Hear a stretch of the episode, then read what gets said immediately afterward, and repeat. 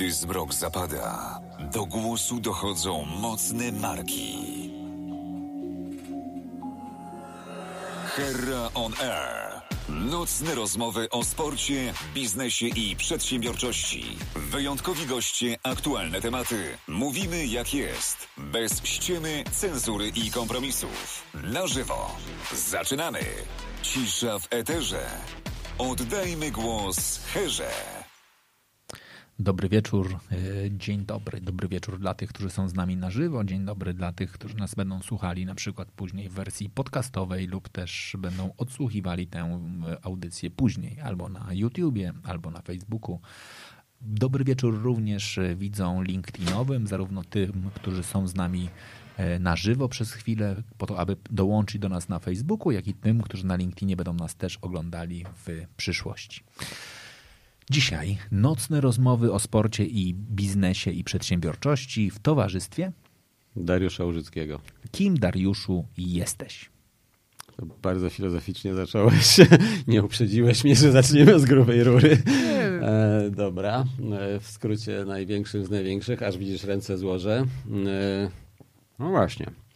Z wykształcenia doktor inżynier nauk technicznych. To wiele, tak, stereotypowo wiele to może o mnie powiedzieć, o sposobie myślenia. Natomiast od 19 y, lat i leci mi już 20 od dwóch tygodni, pracuję w konsultingu. No i to jest taki konsulting w kilku obszarach. Executive Search to robię od samego początku, czyli ten 20 rok to już Executive Search, czyli rekrutacja na najwyższe stanowiska. Oprócz tego e, prowadzę własny przedmiot autorski na e, studiach Executive MBA na SGH i we Francuskim Instytucie Zarządzania. On dotyczy autorefleksji menedżerskiej, takiego świadomego planowania swojego rozwoju i przywództwa. I to jest właśnie ten element istotny. Natomiast tego przywództwa basic, czyli przede wszystkim przewodzenia samemu sobie, bo jak człowiek tego nie umie, to nie ma prawa przewodzić innym. Konsulting mm, dla firm, mm, obszar coachingu, mentoringu w dużej mierze dla zespołów, czyli nie tylko indywidualnego, ale dla zespołów zarządczych. Uproszczeniu z grupy ludzi zrobić, pomóc im zrobić się zespołem. Oprócz tego pasja indywidualna pisać, czyli to, co mi się w głowie kołacze, a kołacze się aż za dużo czasem, przenosić na papier, co pomaga mi strukturyzować swoje własne myśli, no i konfrontować z innymi ludźmi. Z drugiej strony to się też przenosi na biznes, bo dzięki temu, że piszę i to gdzieś tam jest czytane, to się później też czy firmy, czy ludzie po jakimś czasie zgłaszają. Ale naprawdę jakby twój blog www.dariuszuzycki.pl zapraszam wszystkich. .com. .com, przepraszam, .com A po co masz kom, skoro Dariusz Uzycki to i tak jakby międzynarodowo się nie, no nie obroni? Zadałeś mi pytania techniczne. Mam fajnego fachowca, którym jest moja córka, dobrze wykształcona w tym kierunku, która mi zrobiła fantastyczny blog na WordPressie. Nauczyła mnie podstawowej gałkologii, jak wstawiać teksty i tak dalej. I pytanie, dlaczego jest koma, nie PL? Sorry, ale to... Czy to, nie, to nie jest tak, że ty sobie pomyślałeś, że kiedyś będziesz po prostu międzynarodowym guru przywództwa i od razu jakby szykujesz to pod e, globalną domenę? Oczywiście pomyślałem. Natomiast e, domena to, to fachowiec wymyślił, zrobił, ale słusznie zrobił, bo oczywiście ja wierzę w to, że pewnego dnia z Harvardu czy Stanforda zadzwonią do mnie i to nie ja do nich mam zadzwonić, tylko nie, nie, nie. oni do mnie. To jest prosta piłka. Aha, okej. Okay mimo tego, że mógłbyś do nich zapukać.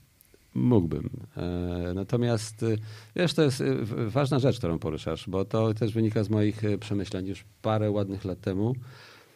Pod wpływem też bardzo ciekawej książki.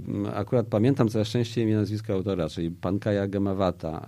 To jest taki globalny myśliciel związany też z Uniwersytetem ISF w Barcelonie. E, e, bodajże Świat 3.0, coś w tym stylu. I to była fantastyczna, to jest fantastyczna książka, bo ona jest na bazie badań i faktów i ona pokazywała, że niezależnie od tej ogromnej globalizacji, w którą bardzo wierzymy, zdecydowana większość ruchu i naszej aktywności jest lokalna.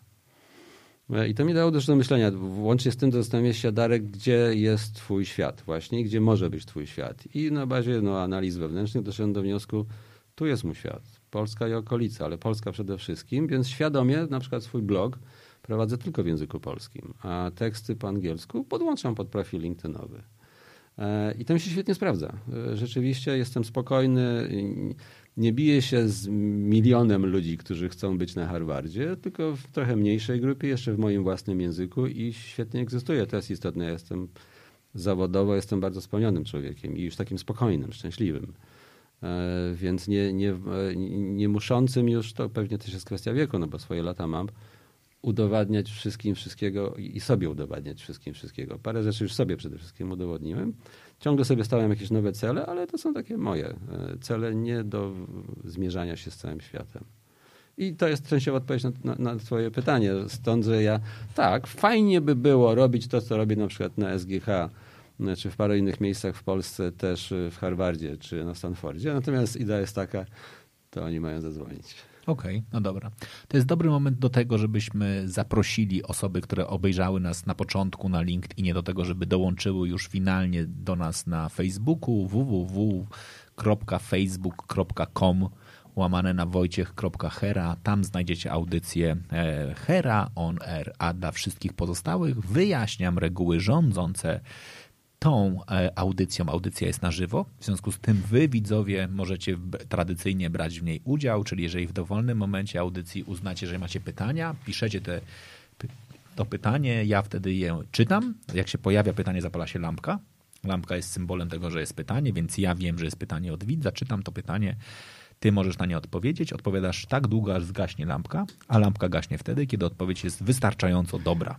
Czyli to jest jak w tych konkursach telewizyjnych, że tam buf, wciskają tak. coś i gościu masz zamilknąć, koniec. Ale do, dokładnie tak dobra, tak jest. Znaczy generalnie dobra. jest tak, że ja dostaję pytanie, ja wtedy już wiem, że moje pytania były słabe i widzowie uznali, że wyręczą mnie i będą zadawali mądrzejsze pytania. No Dobra. i generalnie dzięki temu ten program się udaje. Znaczy, a jak zacznę przynudzać, lampka gaśnie. A jak, a jak zaczniesz przynudzać, lampka no. gaśnie i wtedy jest sygnał pod tytułem Hera może znowu coś powiedzieć, czyli rzadko Dobra. ona gaśnie.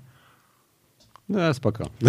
20 lat temu trafiłeś do e, headhuntingu, czy też tak. ładniej nazywając no, do rekrutacji. Rekrutacji czy executive search. A.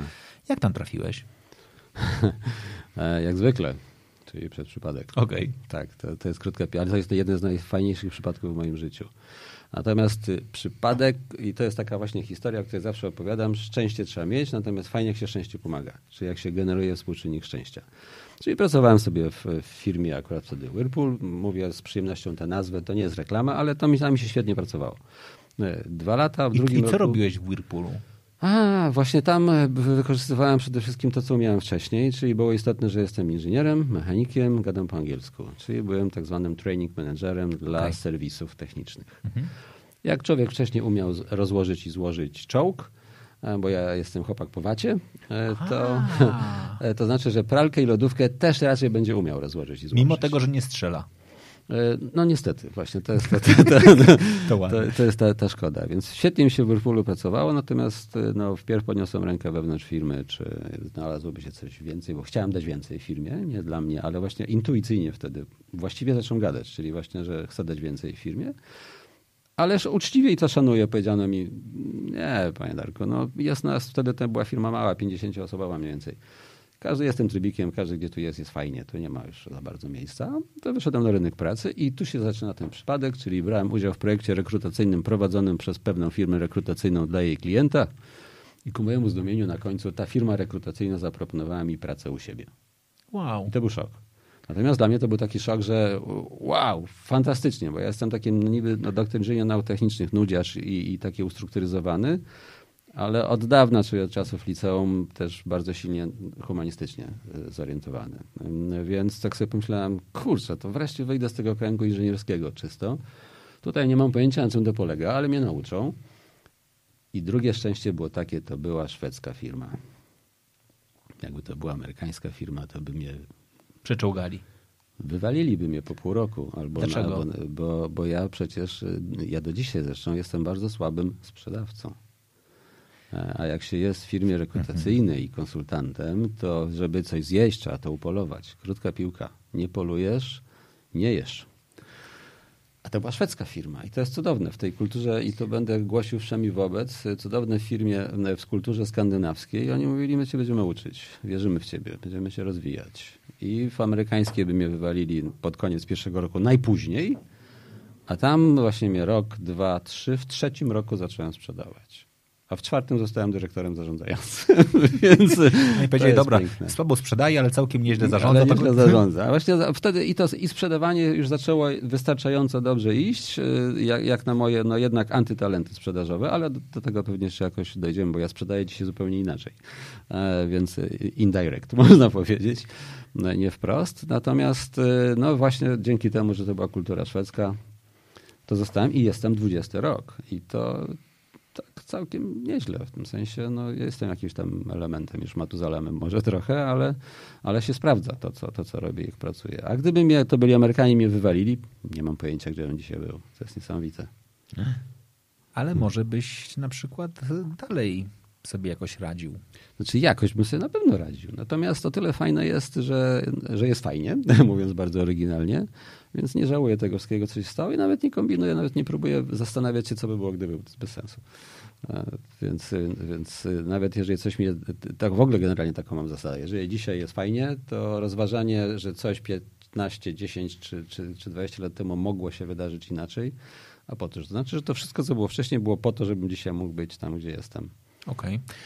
Na czym polega skuteczność w executive search? Znaczy, co trzeba robić, żeby być dobrym konsultantem. Nie chcę mówić jakby researcherem, bo to jest kompletnie nie, to inna robota, innego, to, jest zupełnie inna robota. Mhm. Konsultantem to jest to, to właściwe słowo, bo to jest się Właśnie, to, jest, to dochodzimy w executive search, czyli e, żeby wyjaśnić, może okay. nie, nie, wszyscy Dobra, słuchacze, bo prawda. rekrutacje są, ja tak pokazuję, że to, to jakaś kamera jest, tak? tak. Właśnie, jak jest struktura firmy od samego spodu, czyli od specjalisty do CEO, to executive search to jest ta, ta górna część. Ta górna powiedzmy jedna trzecia, od middle management, o, przepraszam, mówię po angielsku, od y, średniego szczebla zarządzania do, e, do, do samej góry.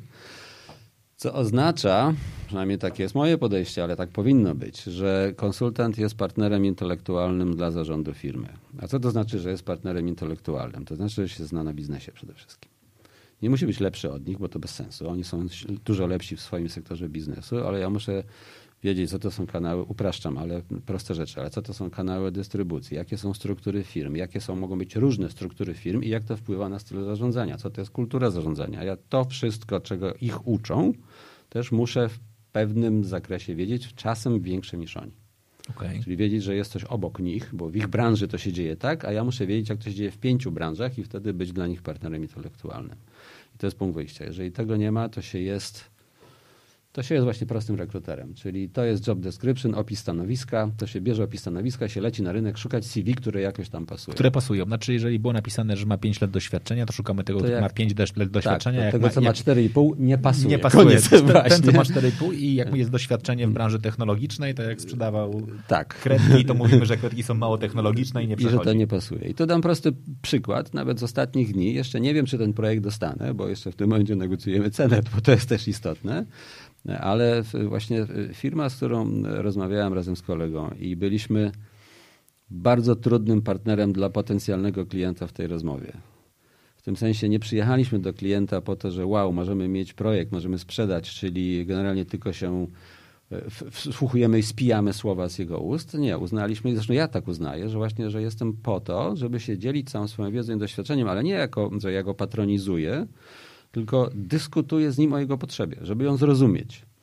E, szukając też e, silnych stron i słabości w tym, w tym, co się klientowi wydaje w kontekście przyszłego poszukiwania kandydata. I to jest właśnie cudowne uczucie, kiedy klient dzwoni po paru tygodniach, ja już myślałem, obrazili się albo uznali, że jestem upierdliwiec straszny i że nie chcą ze mną pracować. I klient mówi, uznaliśmy, że właśnie ta rozmowa z panem i z pana kolegą była najbardziej twórcza.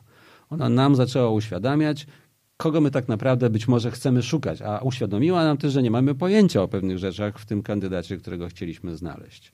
No i to jest piękne właśnie, że klient uznał, że mimo, że jestem najbardziej upierdliwy i pewnie się okaże też, że jeden z tych droższych ofert, ale mm, y, właśnie to wnosi wartość. I to jest dla mnie tak w esencji konsultant executive search. Później do tego dochodzi oczywiście cała technika, czyli jak się szuka kandydatów, jak się z nimi prowadzi komunikację, jak się prowadzi kandydata przez projekt, też jako partnera, to jest bardzo istotne. Rekruterzy bardzo często zapominają albo nie rozumieją, albo jeszcze ich ktoś tego nie nauczył, że kandydat jest partnerem w procesie, a nie towarem, którego się szuka i który się, jemu się wciska, wciska, wciska, wciska, wciska firmę, a firmie się wciska kandydata, to nie działa na dłuższą metę. A znowu w procesach executive search to są procesy długoterminowe. One same trwają dosyć długo czasem. Najdłuższy proces, który nawet no, ostatnich latami to półtora roku trwa. I to klient nie ma do nas pretensji, że my nie możemy znaleźć, tylko sam klient się rozwija i się zastanawia, kogo tak naprawdę szuka. Okej, okay. myślałem, że półtorej, półtorej roku z tego powodu, że znajdujesz kandydata, który zanim się, że tak powiem, pożegna z obecnym pracodawcą, to trwa pół roku, zanim skończy mu się okres Nie, nie, sam proces to jeszcze, jeszcze, jeszcze nie mamy właśnie zakazu, wybranego kandydata. Zakazu konkurencji to kolejne 12 miesięcy. I... Nie, nie, właśnie to dopiero przed nami. Okay. Jeszcze nie mamy wybranego kandydata, więc te, te procesy same mogą długo trwać, ale później ich y, wpływ na firmę też jest bardzo długoterminowy, no bo to są stanowiska dyrektorskie. Więc moja relacja i z klientem, i z kandydatem jest obliczona na lata. I w tym wieku, w sensie w tym 20 roku już bycia w obszarze Executive Search, to naprawdę jest ogromny bonus. Jak człowiek te relacje pobudował i pokazał, że właśnie myśli długoterminowo i myśli z pozycji klienta, no to dzieje się to i też dzięki tej, tej aktywności mojej też LinkedInowej, czyli e, e, twórczej, że coraz mniej muszę wykonywać jakiekolwiek czynności właśnie tych, których nie umiem i nienawidzę, czyli czysto sprzedażowe. To znaczy ludzie sami do mnie wracają albo firmy do mnie wracają i to jest też fantastyczne, jak trzy lata przerwy i nagle telefon albo mail, że jestem w tym a tym nowym miejscu, mam ciekawy projekt, porozmawiajmy. Ale to też nie jest tak. Ja i absolutnie nawet przez sekundę nie mam intencji, żeby obniżyć yy E, twoje kompetencje, czy wartość tego, co robisz, ale czy to nie jest po prostu taka specyfika tej branży? To trochę w niej siedziałem, mhm. bardzo dawno, ale jednak siedziałem, e, że po prostu w pewnym momencie to się robi, jak robisz dobrze swoją robotę i to jest absolutny ukłon w twoją stronę, to się robi takie trochę never ending story, tak? Znaczy, że nawet jak dobrze zaopiekowałeś mhm. się kandydatami, tak? I szukałeś prezesa. Mhm. I to oznacza, że miałeś na swojej shortliście pięciu ważnych ludzi, którzy aspirują do stanowiska prezesa. Tak i dobrze o nich dbałeś. Znaczy przy całym procesie jakby... Tak, wygrał, nie wygrał, ale był dobrze obsłużony. Był bardzo dobrze obsłużony. Tak. To znaczy, że statystycznie rzecz biorąc, cała ta piątka wcześniej czy później będzie poszukiwało ludzi do swoich zespołów. No bo jak brałeś tak, pięć jest... osób na stanowisko mhm. prezesa, to wiadomo, że nawet jeżeli oni dzisiaj byli w zarządzie, czyli prezes minus mhm. jeden, ale byli w tej grupie, to albo są dalej w zarządach innych firm, tak, albo poszli gdzieś, gdzieś albo gdzieś tak. bez ciebie mhm. trafili jako, jako prezes. Jeżeli są dobrze zagospodarowani, to oni pamiętają, słuchaj, Dariusz, ja byłem u ciebie w procesie dwa mhm. lata temu i ja pamiętam jako kandydat, że to było bardzo pozytywne mhm. doświadczenie, więc myślę sobie, że dzisiaj szukając ludzi do swojego zespołu, chciałbym, żeby oni też się dobrze czuli od samego początku, więc chciałbym z tobą pracować. No, oczywiście tak. Właśnie to jest ten bonus właśnie tych lat, lat. uczciwej, dobrej, no, chwalę się, ale no, wierzę w to, że to była uczciwa i jest uczciwa, dobra praca. E, właśnie z pełną pokorą praca, nie taka, że ten element, który tak patrzę w sufit, bo staram się dobrać, właściwego, dobrać właściwe słowo, ale użyję tego słowa, że niektórym konsultantom naprawdę w tym momencie odwala. To znaczy już im się wydaje, że są bogami i demiurgami rynku, że oni czynią z ludzi prezesów. To, to jest choroba psychiczna i to wielu ludzi takich widywałem i widuję, i więc ja też wystarczająco często patrzę w lustro, mówię, Darek, czy już ci zaczyna odwalać, czy jeszcze nie. I to trzeba mieć pokorę. Ja tylko pomagam właściwym ludziom być we właściwym miejscu. Ale to, właśnie o to chodzi. No, no, to jak ktoś mi dawno temu powiedział, i to jest cały czas ważne, e, najlepszy jest ten klient, którego już masz, no bo on wraca, więc nie trzeba biegać teczką po rynku. Z drugiej strony poruszyłeś, y, mm, może intencjonalnie albo nie, ale bardzo ważny element. No, po 19 latach to, to, to tak, to nie chcę użyć słowa nudne, ale robienie, nie wiem, 150 projektu, mhm. to już nie jest aż tak fascynujące jak tych pierwszych 60. Więc ja właśnie tak zapytałem się na początku, kim jesteś. To jest bardzo świadome z mojej strony, że jestem aktywny w czterech mniej więcej obszarach biznesu i obszar executive search w ostatnich dwóch latach zdecydowanie idzie w dół.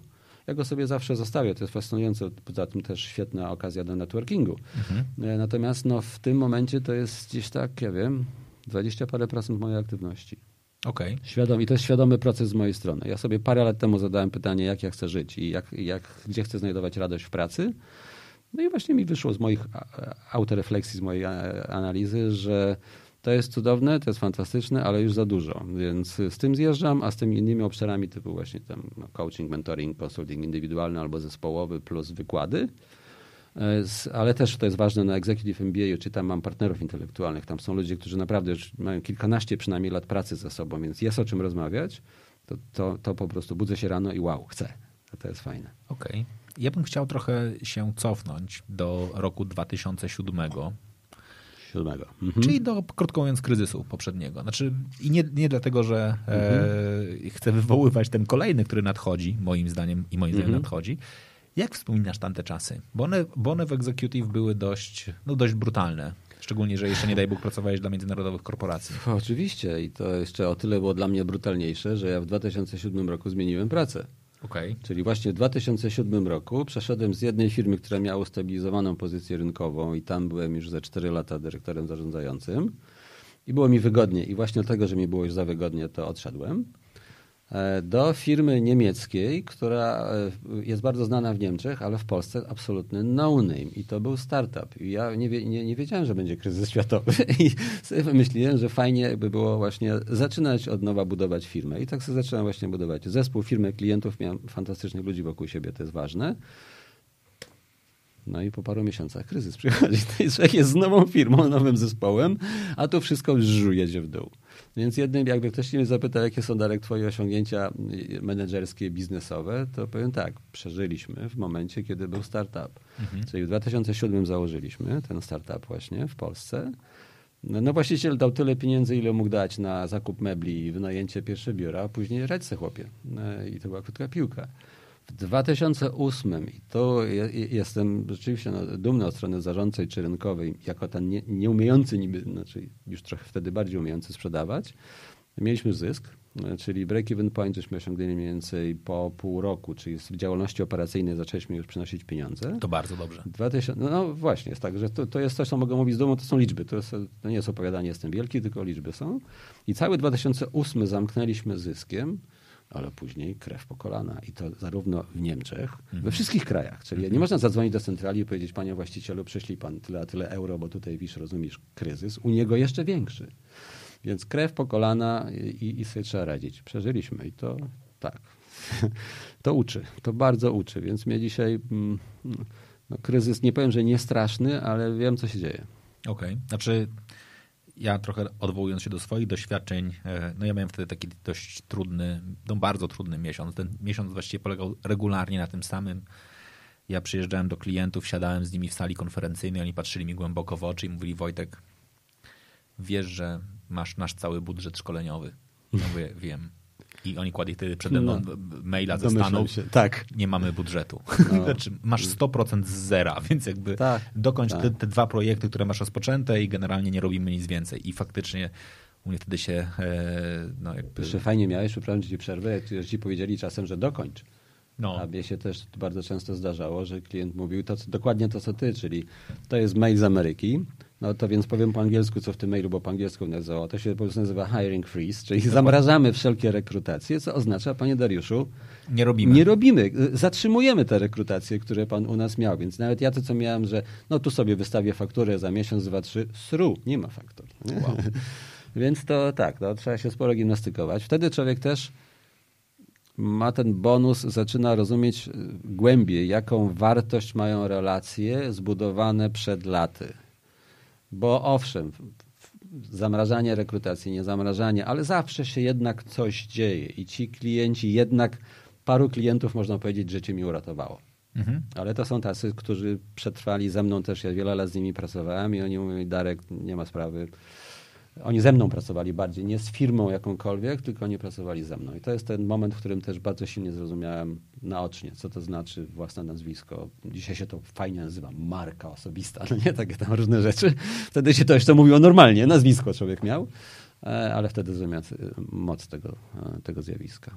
Tak, tutaj miałem dokładnie te same wspomnienia większość klientów mówiło, Wojtek, możemy zrobić z tobą jeszcze kilka projektów, ale pod warunkiem, że to ty będziesz je prowadził. Znaczy, że generalnie mm -hmm. nie, nie, nie, chcemy już tych twoich, oczywiście twoi trenerzy są fantastyczni, ale sorry, mamy ograniczone środki, w związku z czym musimy je wydawać na ciebie, a nie na twoich e, fajnych trenerów. I faktycznie wtedy z całkiem sporej firmy szkoleniowej wróciliśmy do jednoosobowej e, działalności. I tak pewnie sobie dalej e, to żyjemy, jeśli chodzi o dostarczanie usług.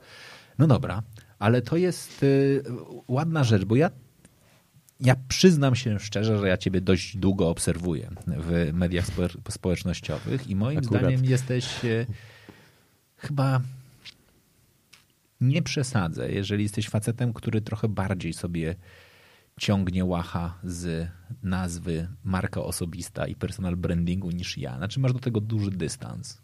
E, tak, to leci na żywo, więc nie używamy słów uznawanych za nieładne, ale można, ładnie to tu, ująłeś. Tu, tu, można przeklinać, znaczy w tej, w tej stacji można przeklinać. Ja rozumiem. Nie udaję, że nie przeklinam. Tak, używam czasem języka uznawanego za nieładny, ale nie pu publicznie staram się nie. E, tak, to sformułowanie masz duży dystans jest bardzo właściwe. Do mówców motywacyjnych mam duży dystans, delikatnie mówiąc. Tak. A dlaczego? Hmm, zastanawiam się, nie to, że nie wiem, co powiedzieć, tylko znowu włącza się tryb inżynier, czyli powiedz najważniejsze na początku, no nie, jak najkrócej, więc, jest, ale najkrócej jest tak, bo mm, statystycznie to jest bez sensu. O, tak, żeby teraz zacząć z grubej rury, a teraz co to znaczy statystycznie to jest bez sensu? E, dlatego, że działają na dużym wolumenie, czyli tak, jednocześnie starają się pomóc bardzo, użyjmy tego sformułowania jeszcze miłego, starają się pomóc. Aha kasę zarabiają, dużą i tyle. Ale starają się pomóc jednocześnie bardzo dużej grupie ludzi. Nie? Siedzą na, siedzi grupa ludzi na, na sali, to są ludzie w różnym wieku, w różnym momencie życiowym, w różnej y, miejscu w strukturze firmy, z różnymi problemami osobistymi czy zawodowymi. I oni dla nich wszystkich mają jednakowe lekarstwo i wiedzą, że trzeba co 5 minut walnąć dowcip, co pół godziny trzeba ich podnieść, żeby się tam, wiesz, fizjologia, te rzeczy zaczęły się dziać. Mają gościa na perkusji, mają drugiego na klawiszach e, i, i oni są zawodowcami. Mam szacunek dla ich e, zawodowstwa, tych najlepszych, zbudowania relacji, właśnie tam sala szaleje po prostu.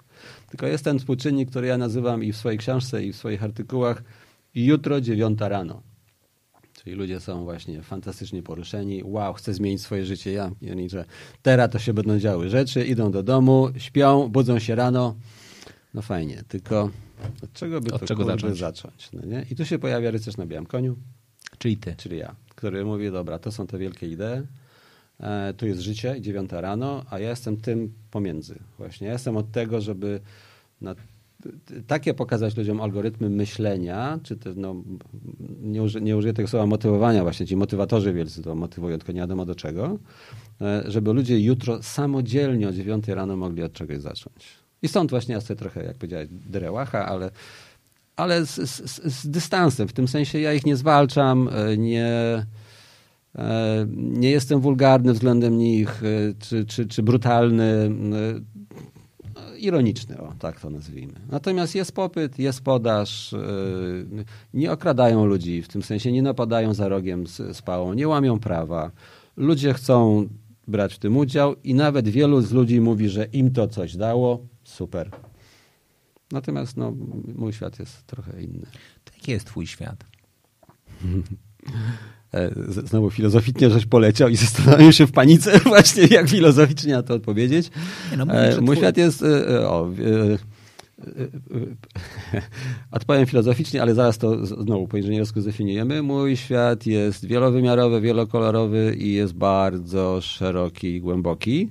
Przy czym nie w tym sensie głęboki, że ja taka głębia filozoficzna i tam wiesz, spojrzę ci w oczy te rzeczy, tylko że jedną z takich cech, to nawet dzisiaj z, z jedną osobą rozmawiałem, tak właśnie sam to sobie uświadomiłem, albo rozmawialiśmy też o, o cechach przywództwa właśnie.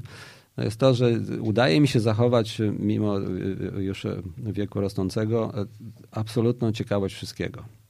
I to jest fajne. To jest właśnie, to, mnie, to jest to taki mój motor. E, więc to jest ten mój, z tej absolutnej ciekawości wszystkiego wynika właśnie ten mój świat, który jest wielowymiarowy przez to, bo to jest e, i gry komputerowe, których jestem przeogromnym fanem i kupa ludzi mi mówi, że ty marnujesz czas na takie rzeczy, ja mówię nie, nie. To... A w co grasz? E, w gry świata otwartego. To jest bardzo istotna informacja, czyli absolutnie nie w gry liniowe, czyli przejdź z punktu A do punktu B, kill them all po drodze, czyli zabij wszystkich, to jest dla dzieciaków. Przepraszam wszystkich dzieciaków, jeżeli tu jest tam kamera jest czy coś, e, ale nawet jeżeli, bo to jest znowu bardzo ciekawy assessment, nie mam prawa wyboru. To jest punkt A, to jest punkt B, masz tą jedną drogą przejść i zabić wszystkich po drodze. Co oznacza, po, za 155 razem ci się to uda. Okay, znaczy nawet, cholery dostanę. Nawet jeżeli się okazuje, że nie masz prawa do wyboru, to oznacza, że masz cztery ścieżki, którymi możesz pójść, to dalej są zdefiniowane ścieżki. Tak. Okay. A ja gram w gry świata otwartego, czyli właśnie jest przestrzeń, chcę iść w lewo, to idę w lewo, chcę iść prosto, idę prosto, a chcę zrobić to zadanie, które formalnie jakoś tam muszę zrobić, chcę je zrobić teraz albo za parę dni, robiąc je w innej kolejności, albo robiąc po swojemu, bo mogę, uproszczę, ale zabić, okraść, podyskutować, przekonać albo zrobić z nieprzyjaciela przyjaciela. Mam bardzo różne możliwości. Mogę też w bardzo różny sposób budować postać, czyli bohatera, rozwijać jego umiejętności. I to jest ciekawe. Sam zacząłem analizować w pewnym momencie swój styl gry, czy mam jakiś preferowany i okazało się właśnie, że mam. Czyli przede wszystkim właśnie gry świata otwartego, czyli mogę robić co chcę, czyli wolność. I nikt mi nie będzie gadał, co ja mam robić, no nie? I jak mam to robić, i kiedy mam to robić. Druga rzecz właśnie się okazuje zawsze na końcu, że ta postać, przynajmniej ta w pierwszym rzucie budowana, czyli moje pierwsze wybory, to ma rozwiniętą inteligencję i charyzmę, o. a siłę tyle, ile trzeba, co by mnie nie zabili. No bo siłę też trzeba mieć, no, że pancerz nosić albo jakieś tam inne fajne uzbrojenie, ale generalnie na maks inteligencja, charyzma i e, e, e budowanie relacji. Co mnie samego zastanowiło w pewnym momencie. Wow, to, to, gram w różne gry. Jedne się dzieją w świecie postapokaliptycznym, czyli gdzieś tam po wojnie atomowej w 2200 roku, a jedne się dzieją w jakimś wyimaginowanym nordyckim królestwie typu gra Skyrim, dla tych, co nas słuchają, że jest taka gra, to jest kultowa gra Skyrim, e, a postać na końcu zbudowana jest według tych samych zasad, więc taki sobie self, auto-assessment e, też dzięki temu zrobiłem, bo to już żona mam nadzieję nie ogląda, ale to jest parę tysięcy godzin już spędzonych. E, na grach. Okej, okay, ale myślisz, że te postacie, które tak sobie definiujesz przez pryzmat tych cech, to one są po prostu odzwierciedleniem ciebie? Do pewnego stopnia tak. Yy, Inteligencja, oczywiście. charyzma i ciekawość. Tak? Sposób tak? budowania relacji ze światem na przykład, no nie? że można iść na, na, na, na w, w Kill Them All, e, a można iść wpierw się spróbuj dogadać. A jak się nie dogadasz, no to oczywiście no, trzeba strzelać, trzeba dużo strzelać. No, nie, nie ma co, nie, nie wszyscy chcą ze mną gadać. No, połowa tych y, postaci w grach to są bandyci, no, nie? E, więc z nimi się nigdy człowiek nie dogada i, i trzeba ich tam e, odstrzelić. Aczkolwiek też y, można właśnie zrobić, jak to było na Wiedźminie, wpadamy i robimy rozpierduchę, a można właśnie jak w innych grach znaleźć karabin snajperski i po kawałeczku ich tam z odległości, nawet nie wiedzą co się dzieje. Także e, zachowania w grach są też ciekawym przyczynkiem do asesmentu e, osobowości i preferowanych zachowań, aczkolwiek gra to gra, na końcu trzeba to odnieść do świata rzeczywistego. Więc gdybym e, swój autoassessment albo czyjkolwiek robił tylko na podstawie gier, to to jest zubożone, to nie ma prawa bytu. Ale porównanie tego ze światem rzeczywistym i w moim przypadku akurat zauważyłem bardzo wiele podobieństw, łącznie z tym, co powiedzieliśmy na początku. Gram w określony rodzaj gier, które sprawiają, że mam wolność wyboru, co absolutnie zgadza się z tym wszystkim, co, co mi pasuje w życiu zawodowym czy, czy, czy osobistym, e, zawodowym szczególnie. I co sprawia, że 20 rok bycia konsultantem mi bardzo pasuje, bo ta praca daje dużo wolności. Wow. Nie wiem, jakbym się odnalazł korporacji dzisiaj. Zaczynałem od Whirlpoola, czyli właśnie od korporacji, w wieku 35 lat zresztą, bo, bo wcześniej pracowałem na uczelni, ale dzisiaj chyba bym się nie odnalazł w korporacji. I to dobrze o tym wiedzieć, no, że człowiek wie, gdzie, gdzie są miejsca, w których będzie się czuł lepiej. Okej. Okay. Myślę sobie, że to jest jedna z tych rzeczy, które e, bardzo nas łączą. Znaczy ja bardzo podziwiam swoich klientów korporacyjnych, uwielbiam was i za każdym razem, jak się z wami spotykam, to myślę sobie, jakie to wielkie szczęście jest to, że ja przychodzę, robię projekt i mogę sobie pójść I wyjść dalej. Tak. E, mimo mm -hmm. tego, że często no, mam takich klientów, z którymi jestem nie 12 lat i pracuję, ale jednak, że to jest 12 lat w takim rozumieniu, że pewnie łącznie w ciągu roku. zewnątrz, I jestem no z nimi raz na jakiś czas i e, wszystkie gry korporacyjne, e, ustawienia lub też przymus to, to był zresztą jeden z powodów, dla którego ja kiedyś odszedłem z korporacji, to jak e, zmienił mi się szef i trafił mi się szef Francuz. E, Nic nie mamy do Francuzów oczywiście. Nie, ale... Ale ten akurat był Francuzem. Ten akurat był Francuzem. Ja bardzo długo raportowałem do Amerykanów i to było fajne, no i później nagle się zmieniła struktura jakby mhm. zarządzania światem i okazało się, że już przestałem raportować do Amerykanów, zacząłem raportować do Francuza. I on mi zaczął mówić, co ja mam robić, nie pytając w ogóle, jak wygląda sytuacja w Polsce. I, no to, i to mi się nie podobało. I kilka miesięcy później mi nie było. Przy czym też. Y, przy czym, przy czym to była dobra, dobra Właśnie, sytuacja. To, to, to on, ci, on ci w sumie dobrze zrobił, bo można powiedzieć, dzisiaj jesteś tam, gdzie jesteś. Natomiast też, żeby nie było, że my, nie wiem, narzekamy na korporacje. Nie, bo ja uważam, Absolutnie nie. Tam masa ludzi czuje się spełniona i szczęśliwa w sposób świadomy. Ja to też bardzo szanuję. Znaczy ja myślę sobie, że w ogóle jest, jest trochę tak, że jest bardzo dużo ludzi, którzy lubią grać w gry otwarte i są tacy, którzy lubią grać w gry linearne i po prostu jakby uwielbiają przejść po mm. jasno wytyczonej ścieżce szybciej niż pozostali na przykład, albo tak. sprawniej niż pozostali, albo zdobywając więcej punktów niż pozostali. Dokładnie. I to nie ma w tym nic złego. Właśnie I to jest chodzi, po prostu... Oni nie krzywdzą innych ludzi, po prostu w takim środowisku czują się dobrze i koniec. People are different and that's okay. Tak mawiają Rosjanie, w związku z czym do tego sobie możemy tutaj... Dobra, ty powiedziałeś, że na początku ci nie szło w sprzedaży, a później ci zaczęło iść. Jaki jest twój sposób na sprzedaż? Mhm. E, e, jasny i zdefiniowany. I on wymaga czasu niestety, więc całe szczęście Szwedzi mi dali ten czas, a później sobie zacząłem to świadomie budować.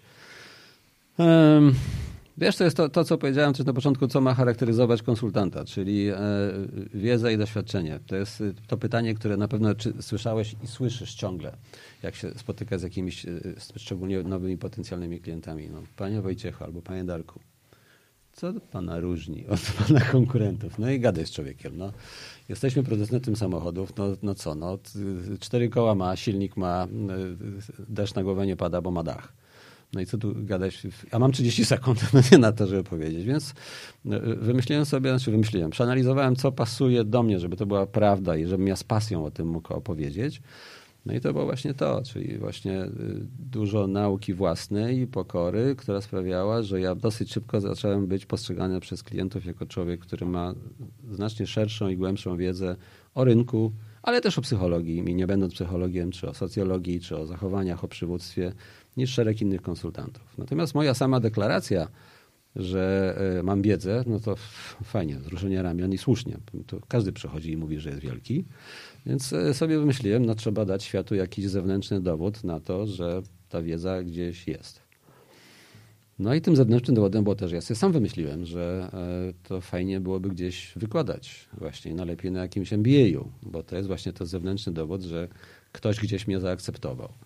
Więc to było to, że ja z ulicy przyszedłem do, i to dzisiaj ludzie mówią, że o, jak się panu fajnie udaje. Ja mówię, no nie, ja byłem w pięciu miejscach, z czterech mnie wykopali z śmiechem, a w piątym, i za to szanuję SGH, gościa, który przyszedł z ulicy, zaczął coś nawijać o jakimś właśnie wykładach ewentualnie na przychodne na MBA-u, to oni podjęli ryzyko.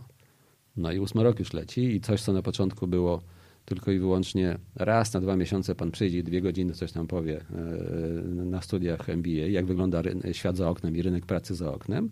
No dzisiaj jest to regularny przedmiot obowiązkowy e, wow. dla całej grupy. Więc e, i to jest też dla mnie istotny element już w ogóle też mojego życia i też zarabiania pieniędzy, bo dzisiaj wtedy to było też na samym początku pro bono. pro bono właśnie, dla budowania właśnie rozpoznawalności i możliwości powiedzenia też klientom Executive Search jestem wykładowcą tu i tu, albo na przykład mam dwa, trzy artykuły w Harvard Business Review, bo mam, ha. Mhm. I, I nie kombinuję że muszę mieć co roku. Wystarczy, że mam te trzy sprzed paru tam lat i mogę powiedzieć, tak, jestem takim konsultantem, który właśnie publikuje w Harvard Business Review. Co-marketing, no nie? Szanuję zresztą Harvard, że, że przyjął mój materiał i zgodził się to opublikować. Więc to jest ten mój sposób sprzedawania. sprzedawania. I to jest właśnie to, ta, ta, ta moja też działalność w LinkedInie. To oprócz tego, że piszę i to nie jest...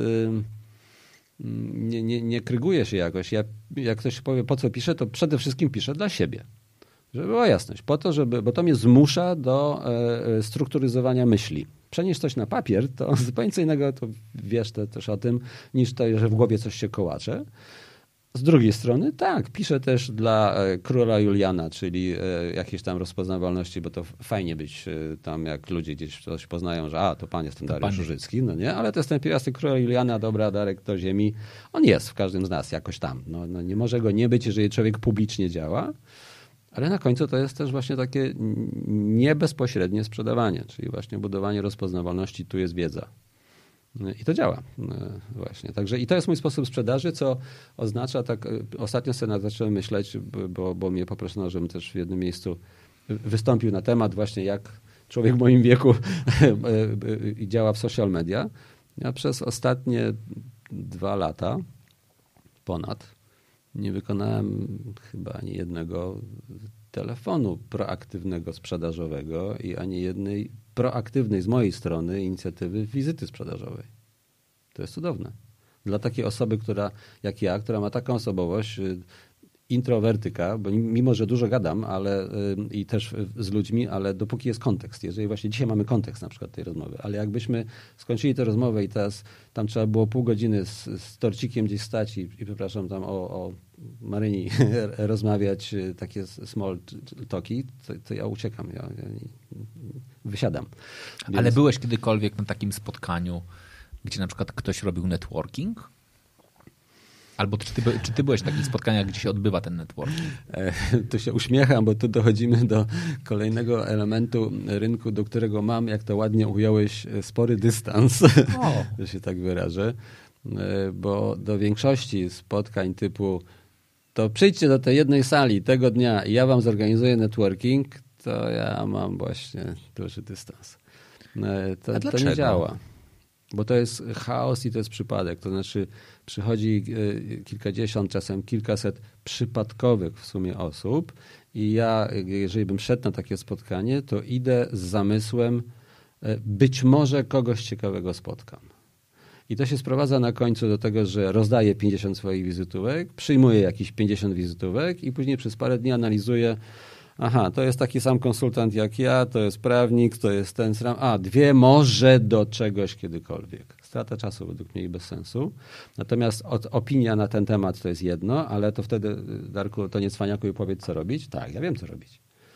I nawet to opisałem, więc tutaj mogę www.dariuszurzycki.com właśnie zapraszam. I ja to, co, to, co opisałeś, nazywam networkingiem naiwnym albo romantycznym, jeżeli komuś to ładniej brzmi. E, e, a sam proponuję networking strategiczny, czyli dobra, wiem, kim jestem na rynku, wiem, czego chcę, co chcę robić, co oznacza, dzięki temu, jeżeli wiem, co chcę robić i z kim muszę wchodzić w interakcję, to mogę wręcz z imienia nazwiska wskazać kilkadziesiąt albo kilkaset osób w różnych branżach, na różnych poziomach strukturalnych, które są dla mnie ważne. I wtedy podchodzę do nich, a nie łażę, przepraszam, chodzę na e, spotkania, gdzie być może ktoś przyjdzie ciekawy, a może nie przyjdzie. No i takie właśnie. I później są ludzie rozczarowani i mówią, ten networking to pierdoły jakieś są, to nie działa. No tak i nie działa oczywiście. Natomiast jak człowiek tylko właśnie ten, ten krok pierwszy jest bardzo ważny.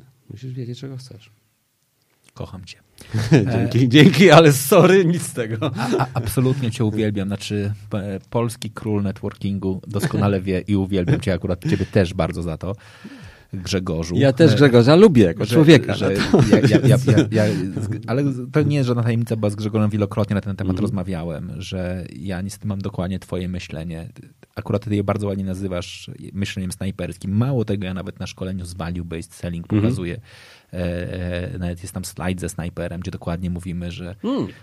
Też masz slajd ze snajperem? Tak. Bo ja też, właśnie o to chodzi. Mówię. Że musi, musisz po prostu... Snajper, chirurg, a nie latam z siekierą i macham po wszystkim. Mało tego, musisz bardzo dużo czasu wykonać, wiedząc, kto nie jest twoim klientem, tak. żeby wiedzieć, kto jest. I ja tak. na przykład, ja uwielbiam spotkania networkingowe, tylko ja tam najczęściej spędzam trzy minuty. Znaczy ja wchodzę, mhm. podchodzę do tej osoby, z którą chciałem się spotkać, o Uma um, wyciągamy telefony, tak. wymawiamy, um, umawiamy spotkanie lub kola, na które się umówimy. Ja mówię dzięki bardzo, to miłego dnia i wychodzę. To I... teraz ja powiem, kocham cię, bo to jest też to, co ja mówię, jak jedziesz człowieku na konferencję, to nie jedź na konferencję w zasadzie być może kogoś spotkam, tylko zobacz listę uczestników, tak wybierz sobie dwie osoby i z nimi spędź połowę czasu. No nie? Tak, dokładnie koniec. Tak. Dokładnie tak. I wtedy wiesz, po co byłeś na konferencji. Ale wiesz, jakie jest powszechne mówienie, bo, bo to jest takie, ja, no ja dużo mówię o segmentacji na swoich wystąpieniach, na swoich e, szkoleniach, na swoich e, spotkaniach. Mówię, dobra, róbmy całą segmentację. Ludzie mi często mówią, mamy taką segmentację zwierzęcą, mhm. wszyscy o niej wiedzą, więc ona jest jakąś tajemnicą. Szczur, e, antylopa, zając, bawu i ona dokładnie dość pokazuje jakby z, z poziomu geparda, kto jest dla kogo. Ludzie mówią, wiesz, Wojtek, ale to tak nie jest. Znaczy, jeżeli gepard potrzebuje antylopy i to jest jego absolutnie jakby, to jest to, co on musi mm. upolować z perspektywy jego zasobów, czyli jest w stanie upolować antylopę, w przeciwieństwie do bawołu, który jest teoretycznie tak. bardziej kaloryczny, tylko jest dla niego bardzo dużym zagrożeniem i może go zniszczyć. A z drugiej strony, jak się skupi, nie daj Bóg, na szczurach, to zdechnie z głodu, mimo tego, że cały czas będzie miał poczucie, że no coś ile je. tych szczurów ale, ale, ale, ale ile ten, i oni, ale zawsze mi ludzie mówią, skąd ty Wojtek wiesz, że to naprawdę jest szczur, bo może się okazać, że ten szczur dzisiaj jest szczurem, ale jutro będzie antylopą. I ja zawsze słyszę taką amerykańską historię. Ludzie mówią, pamiętaj, że ja kiedyś miałem taką sytuację, w której bardzo długo pracowałem z jednym człowiekiem i byłem dla niego miły, mimo tego, że on był bardzo biedny i on nagle któregoś pięknego dnia wygra, wygrał w Totolotka i on wtedy wrócił i kupił samochód. I ja mówię, serio, a czy ktoś jest w stanie mi powiedzieć, że to nie jest dowód anegdotyczny? Lub też druga Właśnie. rzecz, nawet jeżeli to jest jeden przypadek, to czy on jest powtarzalny? To I, właśnie. inaczej mówiąc, czy ktoś może mi pokazać algorytm, który Tak. mówi, że jeżeli będę odpowiednio często troszczył się, będąc nie sprzedawcą samochodów, o każdego biednego człowieka, który do mnie wchodzi, Właśnie. to czy, skąd ja mam wiedzieć, którzy z nich będą wygrywali w Totolotka, albo czy jest jakieś prawdopodobieństwo, że każdy zadbany, bezdomny przez e, e, dealera samochodów wygrywa w Totolotka? I, Właśnie. ale wiesz, o co, ludzie uwielbiają tak. takie historie, bo, bo to jest piękna wymówka Mm. później, tak? To jest wymówka, dlaczego się nie skupiłeś na ważnym, trudnym Tak. kliencie, Mhm. no bo obsługiwałem czterech biednych, a oni mogą być kiedyś bogaci. I Przecież każdy klient jest ważny. I zleciał mu już rok, drugi, trzeci, a on rocznie musi tych samochodów sprzedać kilkadziesiąt do kilkuset. No to ilu tych biednych musi spotkać, żeby z nich kilkuset wygrało w Totolotka? Ile tych biednych musi grać w Totolotka w ogóle? To jest. I wygrać, i przyjść do tego salonu. I wygrać przecież do tego, no to jest niestety dość... Użyłeś słowo, które kocham, e, więc też jest miło, użyłeś słowa algorytm. I to nie jest rocket science. Tutaj dla wszystkich nas słuchających to jest proste. To jest po prostu pewien tryb postępowania, gdzie są e, momenty, w których się dokonuje wyboru w lewo czy w prawo. No i jak jest ścieżka, no to wtedy to działa. Znaczy, ja jestem też, o tyle fajnie mi się dzisiaj już rozmawia, mm, tak jak i tobie, bo ty też jesteś człowiekiem, któremu się udało w cudzysłowie, to znaczy A, wcale się nie udało. Znaczy, mieliśmy przypadki szczęścia, natomiast jesteśmy tymi szewcami, którzy ch- chodzą w butach. Ja to w ten sposób nazywam. Nie teoretykami, bo jest też masa teoretyków chodzących po rynku, którzy mówią zrób tak i tak, będzie super. Swoje konto na LinkedInie musisz prowadzić tak i tak. A ja mówię, ale ja prowadzę zupełnie inaczej. I, e, i tylko, że ja jestem tym, który to już robi akurat ten LinkedIn trzeci rok, się skończył. No i to działa. To znaczy, ja mogę powiedzieć, jakie są efekty.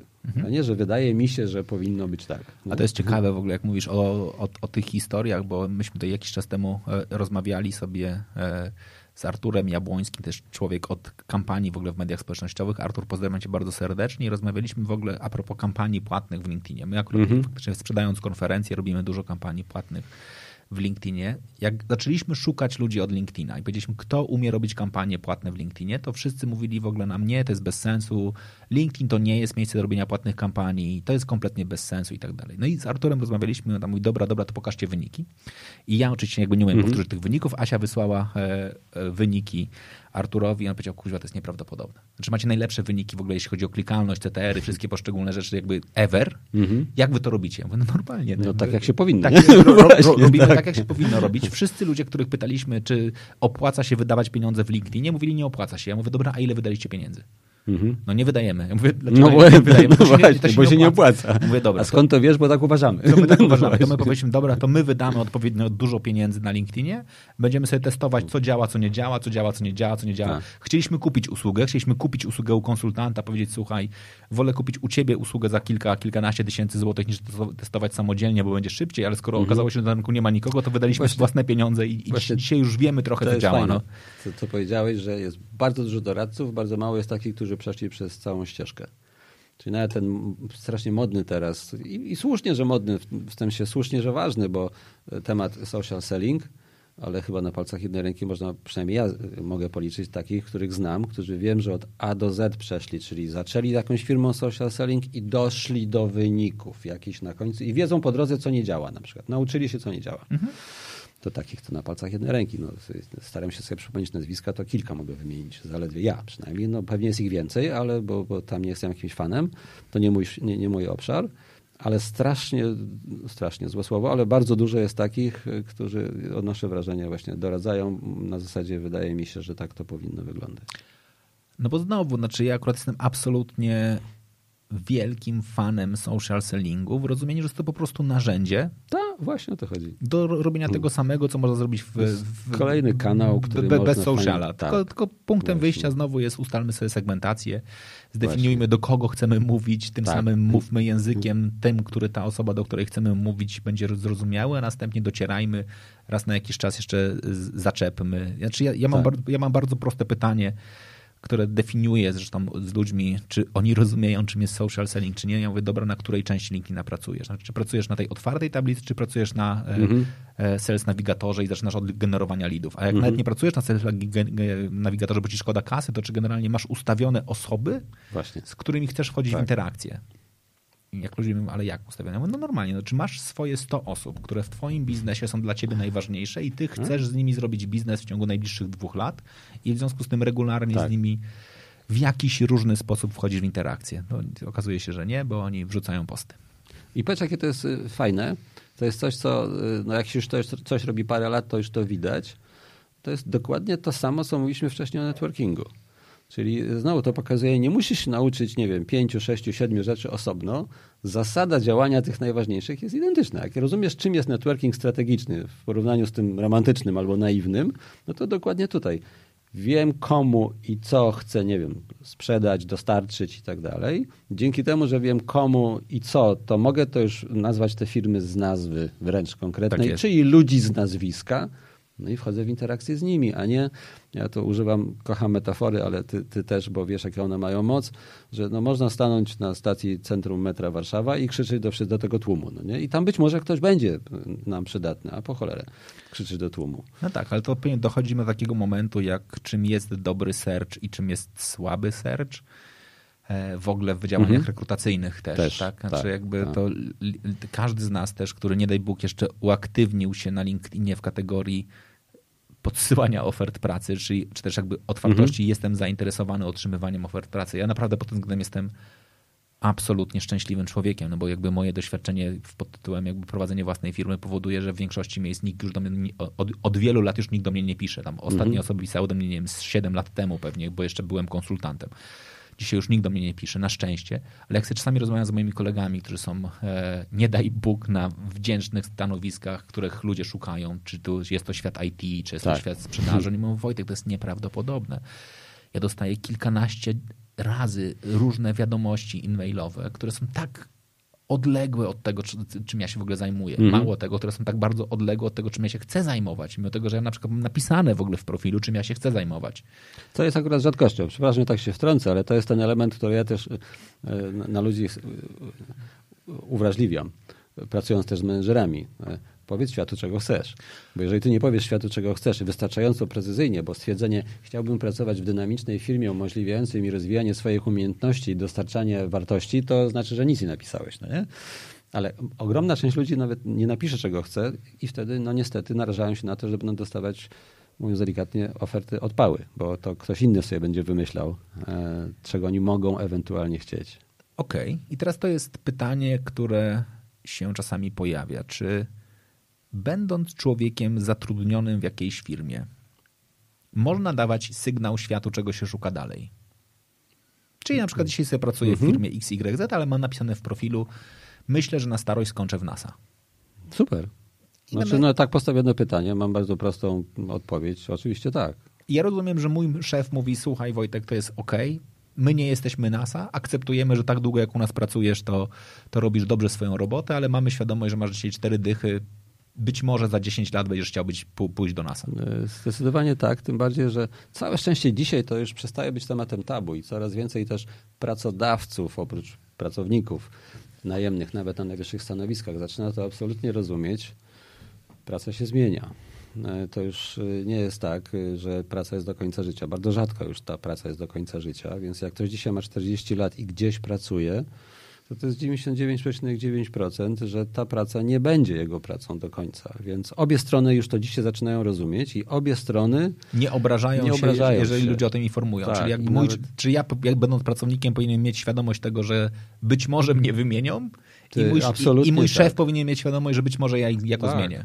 Wręcz przeciwnie, powinien mieć świadomość szef, że jeżeli masz cztery dychy, to praktycznie na pewno y, zmienisz tę pracę. I, I to też y, zmienia paradygmat, y, takie mądre słowo, ale bycia szefem, bycia przywódcą, żeby właśnie nie, nie, traktować zasobów, to brzydkie słowo, ale no ludzi, z którymi pracuję, że oni tam są właśnie jako te trybiki włożone i one tam będą szczęśliwi bez mojej żadnego udziału do końca życia, tylko być z nimi po pierwsze w kontakcie codziennym i zastanawiać i dyskutować z nimi otwarcie, co ich motywuje I czy nasza firma, ja, to stanowisko w tym miejscu, w tej firmie, może im dać to, czego oni potrzebują na najbliższe lata, po to, żeby firma też z tego miała korzyść oczywiście. Czyli żeby oni budzili się rano i mówili, wow, fajnie, idę do roboty. Okej, okay. i to jest dobry moment do tego, żebyśmy przeszli w takim razie trochę do, do sfery przywódczej. Ania nam pisze, dobry wieczór, można was słuchać bez końca, bardzo dziękujemy. I skoro piszecie nam różne rzeczy, że można nas słuchać bez końca, Piotr pisze, dobry wieczór, miło was się słucha, Arek pisze, że niestety na LinkedInie padł stream, Arku nie padł stream, celowo go przerwaliśmy po to, żeby was trochę zanęcić i ściągnąć tutaj do Facebooka, bo jednakże łatwiej nam się zarządza transmisją na jednym kanale, szczególnie gdy jeszcze zachęcamy Was do zadawania pytań. W związku z czym, jeżeli macie jakieś pytania, to też pamiętajcie o tym, żeby pisać, a będziemy sobie chętnie na nie odpowiadać. Bartosz Tomaszewski, który był u Ciebie kiedyś chyba na zajęciach w Instytucie Francuskim Zarządzania, pisze, że wizytówka od prawnika to strata czasu. No nie, niedoczekanie. Komentuje to, bo jest oczywiście bardzo dobrym prawnikiem. I to jest pewnie coś, co... Nie bierz tego personalnie. Nie, nie, to było co innego. Czyli, Chodziło o to, że po Jako konsultant jako... poszedłem na spotkanie networkingowe i spotkałem 90% innych konsultantów, którzy poszli, żeby tam szukać klientów, więc to jest bez sensu. Ja, ja to zawsze będę mówił. Prawnicy tak, są super. Prawnicy są super, jednakże w takich e, częstych e, e, działaniach jest trochę tak, że na tego typu spotkaniach jest więcej że tak powiem, polującym i zwierzyny. Tak, znaczy, znaczy, wszyscy chcą coś sprzedać, kupić nie ma komu. Tak, no, I to tak. jest coś, co czasami się też często e, pojawia. Ok, jak długo zajmujesz się przywództwem? Tak e, naukowo? Mhm. Czy też naukowo? Mhm. No, naukowo to może nie, ale, e, ale intelektualnie. W sposób, pogłębiony. To o, znaczy, dokładnie. że śmiem twierdzić, że jestem konsultantem też od rozwoju przywództwa, czyli mhm. wspierający ludzi w rozwoju przywództwa. To tak w sposób uświadomiony i w takim, że wierzę już, że mogę przynieść wartość, to tak ostatnie 5-7 lat. To jest to. A ja mam 55, y, co oznacza, że no od 48-9 roku życia mogę powiedzieć, że zacząłem czuć, że chyba przynoszę wartość. A co dla ciebie znaczy przynosić wartość? Że człowiek po współpracy ze mną, albo na przykład po przejściu przez mój przedmiot, chociażby, a tam jest bardzo dużo ćwiczeń na tym moim przedmiocie, na tym Executive MBA, mówi, że dostał narzędzia do samodzielnej pracy nad sobą przede wszystkim, e, rozumie dużo lepiej, co się dzieje między nim a przełożonym jego też i podwładnymi, jest skuteczniejszy na końcu, bo to jest istotne, jest skuteczniejszy. Mm, czyli lepiej robi swoją pracę i dla firmy, i dla siebie, i dla ludzi e, swoich. To brzmi tak jeszcze troszeczkę ogólnie, no ale no, mm, to, takie sygnały mam od ludzi, to jest istotne. E, albo na przykład, co ostatnimi dwoma laty szczególnie jest w obszarze, to przypadek, ale, ale taki dla mnie bardzo, bardzo fajny się złożyło, że Jestem intensywnie angażowany w procesy ogromnych zmian w firmach. Na przykład jedna globalna firma kupuje drugą globalną firmę. I pomagam menedżerom przejść przez ten proces, żeby cały czas, mimo że sami, przepraszam, no tak powiem trochę po, po, po, po kolokwialnie, robią w gacie, czy będą mieli jutro pracę, to żeby o tym umieli zapomnieć w pewnym momencie i pamiętali cały czas, że są szefem, przywódcą dla swojego zespołu. Ich podstawowy obowiązek to przeprowadzić swój zespół przez te zmiany. Mimo, że sami w każdej chwili nie wiedzą, co się z nimi wydarzy, albo jest bardzo niejasne otoczenie, bo tak się nam wydaje często niesłusznie, że jak jedna dobrze zorganizowana globalna korporacja kupuje drugą, to wszystko jest jak po sznurku, guzik prawda. Jest ogromna niepewność i niejasność tego, co, co, kiedy i w jaki sposób się wydarzy. Teraz trochę, że tak powiem, e, nawet pojawiło mi się takie, takie myślenie trochę sentymentalne, tak się trochę zadumałem, że sobie pomyślałem, kurczę, ja strasznie dawno nie zrobiłem żadnego M&A, czyli Merchant Acquisitions, czyli fuzji i przejęcia -hmm. z poziomu konsultanta. Kiedyś robiłem tego strasznie dużo. Nawet był taki moment, że mój pierwszy doktorat, którego nie skończyłem, bo nie skończyłem dwóch doktoratów. To ja mam tylko jeden, ale skończony. Nie, to, to, ja dwa, ja to w sumie się równoważy. To się w sumie równoważy. Ja dwa razy podchodziłem do doktoratu. Pierwszy doktorat, do którego podchodziłem, to był właśnie na SGH-u mhm. z fuzji i przejęcia. Wtedy, no, wtedy będąc jednakże w amerykańskiej firmie konsultingowej, zajmowałem się wsparciem organizacji właśnie przy fuzjach i przejęciach i mhm. strasznie mnie to jarało i miałem takie, no miałem przyjemność pracować e, najpierw jako konsultant, czyli u boku starszego mhm. konsultanta mhm. czy partnera e, przy fuzjach, później już samodzielnie je, je prowadząc i sobie zawsze myślałem, kurczę, ale to jest fajna robota, później faktycznie zacząłem to robić, fakt, no, jak jesteś w amerykańskiej firmie, to w naturalny sposób masz dostęp do badań, więc tak. jakby to oni, oni, wszystko muszą zbadać. Znaczy, tak. ja, jak ktoś mi mówi, dlaczego często się mówi o tym, że według amerykańskich badań jest to i to, to moja odpowiedź jest bardzo prosta bo nikt na świecie nie robi Bo tylu, oni badają, ty, właśnie, otóż to. tylu tak. badań co Amerykanie, w związku Tak. z czym nie mamy innych badań niż Mhm. amerykańskie w większości obszarów, więc ponieważ mnie to strasznie ci- cieszyło, to uwielbiałem wspierać zarządy właśnie przy przeprowadzaniu ludzi przez zmiany. A teraz sobie pomyślałem, że strasznie dawno nie zrobiłem żadnej fuzji. No to po- potwierdzam. Dla mnie jest to fantastyczny element, który pozwoli mi właśnie z tego obszaru przejść, jak wspomniałem wcześniej, executive search, który wielbię i zawsze będę mówił, że jest fantastyczny, ale po 18-19 latach już trochę nim jestem zmęczony. powtarzalny. Jest powtarzalny właśnie. Przejść na poziom już, ale też to jest dla mnie bardzo ważne, nie, nie wspierania tylko i wyłącznie albo głównie firm w jakimś procesie rekrutacyjnym, tylko ja mam to poczucie bardzo ważne, wspieram konkretnych ludzi. Mhm. To jest super, to jest dla mnie e, bardzo ważne.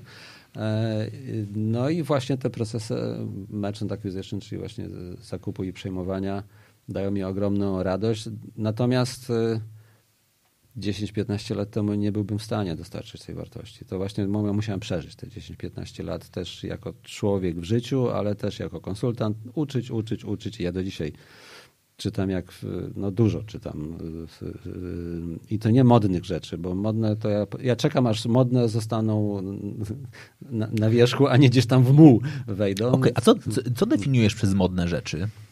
E, Bardzo proste. Znaczy, oczywiście w pierwszym podejściu, czyli na przykład jak czytam, to jest bestseller New York Timesa. To zwykle odkładam na półkę, nie? bo to oznacza, dobra, poczekam. Okej. E, Bo to oznacza, że to jest napisane lekko, łatwo i przyjemnie po amerykańsku, właśnie z szuruburu, możesz być wszystkim, powiedział kaloryfer do krzesła, no nie, jak to się mówi, tego typu rzeczy. Więc bardziej szukam pozycji, które na przykład są napisane przez kogoś, kto bada to zjawisko ostatnie 15-20 lat. O, Okej. to, to jest coś, bo to jest znowu, to są dane, to są eksperymenty, to jest w ogóle tok myślenia, taki właśnie naukowy, E, czyli jest hipoteza, ją trzeba zweryfikować, jest procedura udowadniania albo obalania, przede wszystkim obalania hipotez, a nie, że właśnie jest taka książka, z której do końca życia będę robił bekę, E, bo to jest taki symbol dla mnie właśnie tego bestsellerów New York Timesa, ona się nazywa bodajże w polskim to jest Błysk. E, A Blink, to było z 10 lat temu wydane, to, to jest po prostu chaos i hańba dla intelektu ta, ta, ta książka. Ale to jest bestseller New York Timesa i gościu z nas się śmieje z ciebie i ze mnie, bo on na tym zarobił kupę kasy. E, I to setki tysięcy egzemplarzy sprzedane i to jest wow. No Natomiast to jest chłam intelektualny taki do, do, do gołej ziemi. Okej, ale to dzisiaj mogę. Znaczy, w ogóle to ciekawe jest, jak mówisz o klasykach literatury i takich często nieznanych. Nawet dzisiaj sam, się, sam siebie przyłapałem na tym, że rozmawiając z klientem, człowiekiem, który ma trochę wyzwań zarządczych, bo zarządza dużą mm, organizacją, no, biurem rachunkowym, no okej, do- dużym biurem rachunkowym e, i tam rozmawialiśmy o tym, że ma trochę kilka wyzwań, że im na, trochę na, że tak powiem, dzisiejszej modzie budowania marek osobistych, w pewnym sensie najpierw zadbał o to, żeby ludzie jego byli ekspertami i faktycznie ich bardzo mocno cisnął w to, żeby byli ekspertami, żeby byli ekspertami, byli ekspertami.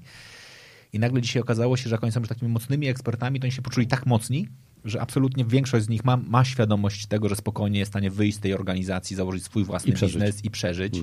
Zresztą no, ja jestem tego przykładem, też ja wyszedłem no, z bardzo dużej marki i, i, i jakoś sobie żyję. Natomiast ja wtedy sięgnąłem, wiesz co, powiedziałem, kurczę, jest taka książka, napisał ją Swelby, niejaki Managing Know-how, czyli jak zarządzać w- ludźmi e, Z wiedzą. z wiedzą, znaczy jak, jak zarządzać organizacją opartą na wiedzy. I to jest tak stara książka. A jak sobie pomyślałem, kurczę, muszę, muszę tam znaleźć kilka wykresów, bo są takie dokładnie wykresy, które pokazują, że im masz lepszych, na- na- największy ból organizacji opartych na wiedzy, tak? Znaczy, że polega on na bardzo prostej rzeczy, że łatwo się zarządza ludźmi głupimi, up- upraszczając bardzo, znaczy jakby głupimi, niepewnymi siebie, bez mocnego nazwiska, ale to znaczy, że twoja organizacja się słabo rozwija. Twoja organizacja się najlepiej rozwija wtedy, kiedy twoi ludzie są rozpoznawalni, mocni i, i samodzielni. I im są bardziej rozpoznawalni, mocni i samodzielni, tym masz kompletnie inne kompetencje przywódcze poprzed, po, po, potrzebne i nagle się okazuje, że to już jest zupełnie inne zarządzanie w ogóle. Tak? To jest w ogóle zarządzanie jakby bardzo mocno kooperujące i tak dalej, i tak dalej, i tak dalej.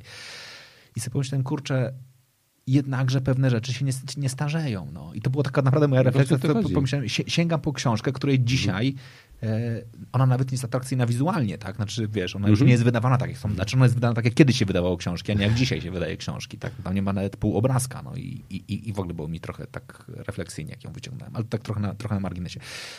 Kim był lider kiedyś, Twoim zdaniem? Świetnie nawiązałeś, bo nawet mówiąc właśnie o tej książce, o której wspomniałeś i o tym, o tych dwóch sposobach zarządzania, czyli zarząd, kim zarządzam? Czyli Aha. zarządzam ludźmi z wiedzą, czy zarządzam ludźmi no użyłeś tam słowa mniej, z mniejszą wiedzą, z mniejszą nazwijmy to. No nie. Początkującymi. Właśnie, znaczy... Początkującymi albo prostymi, e, mniej pewnymi, albo właśnie nie będącymi ekspertami. No to Powiem tak, znowu się zastanowię chwilę, bo chcę zacząć od góry do dołu, żeby się nie rozpuzlować gdzieś tam na, na różne kierunki.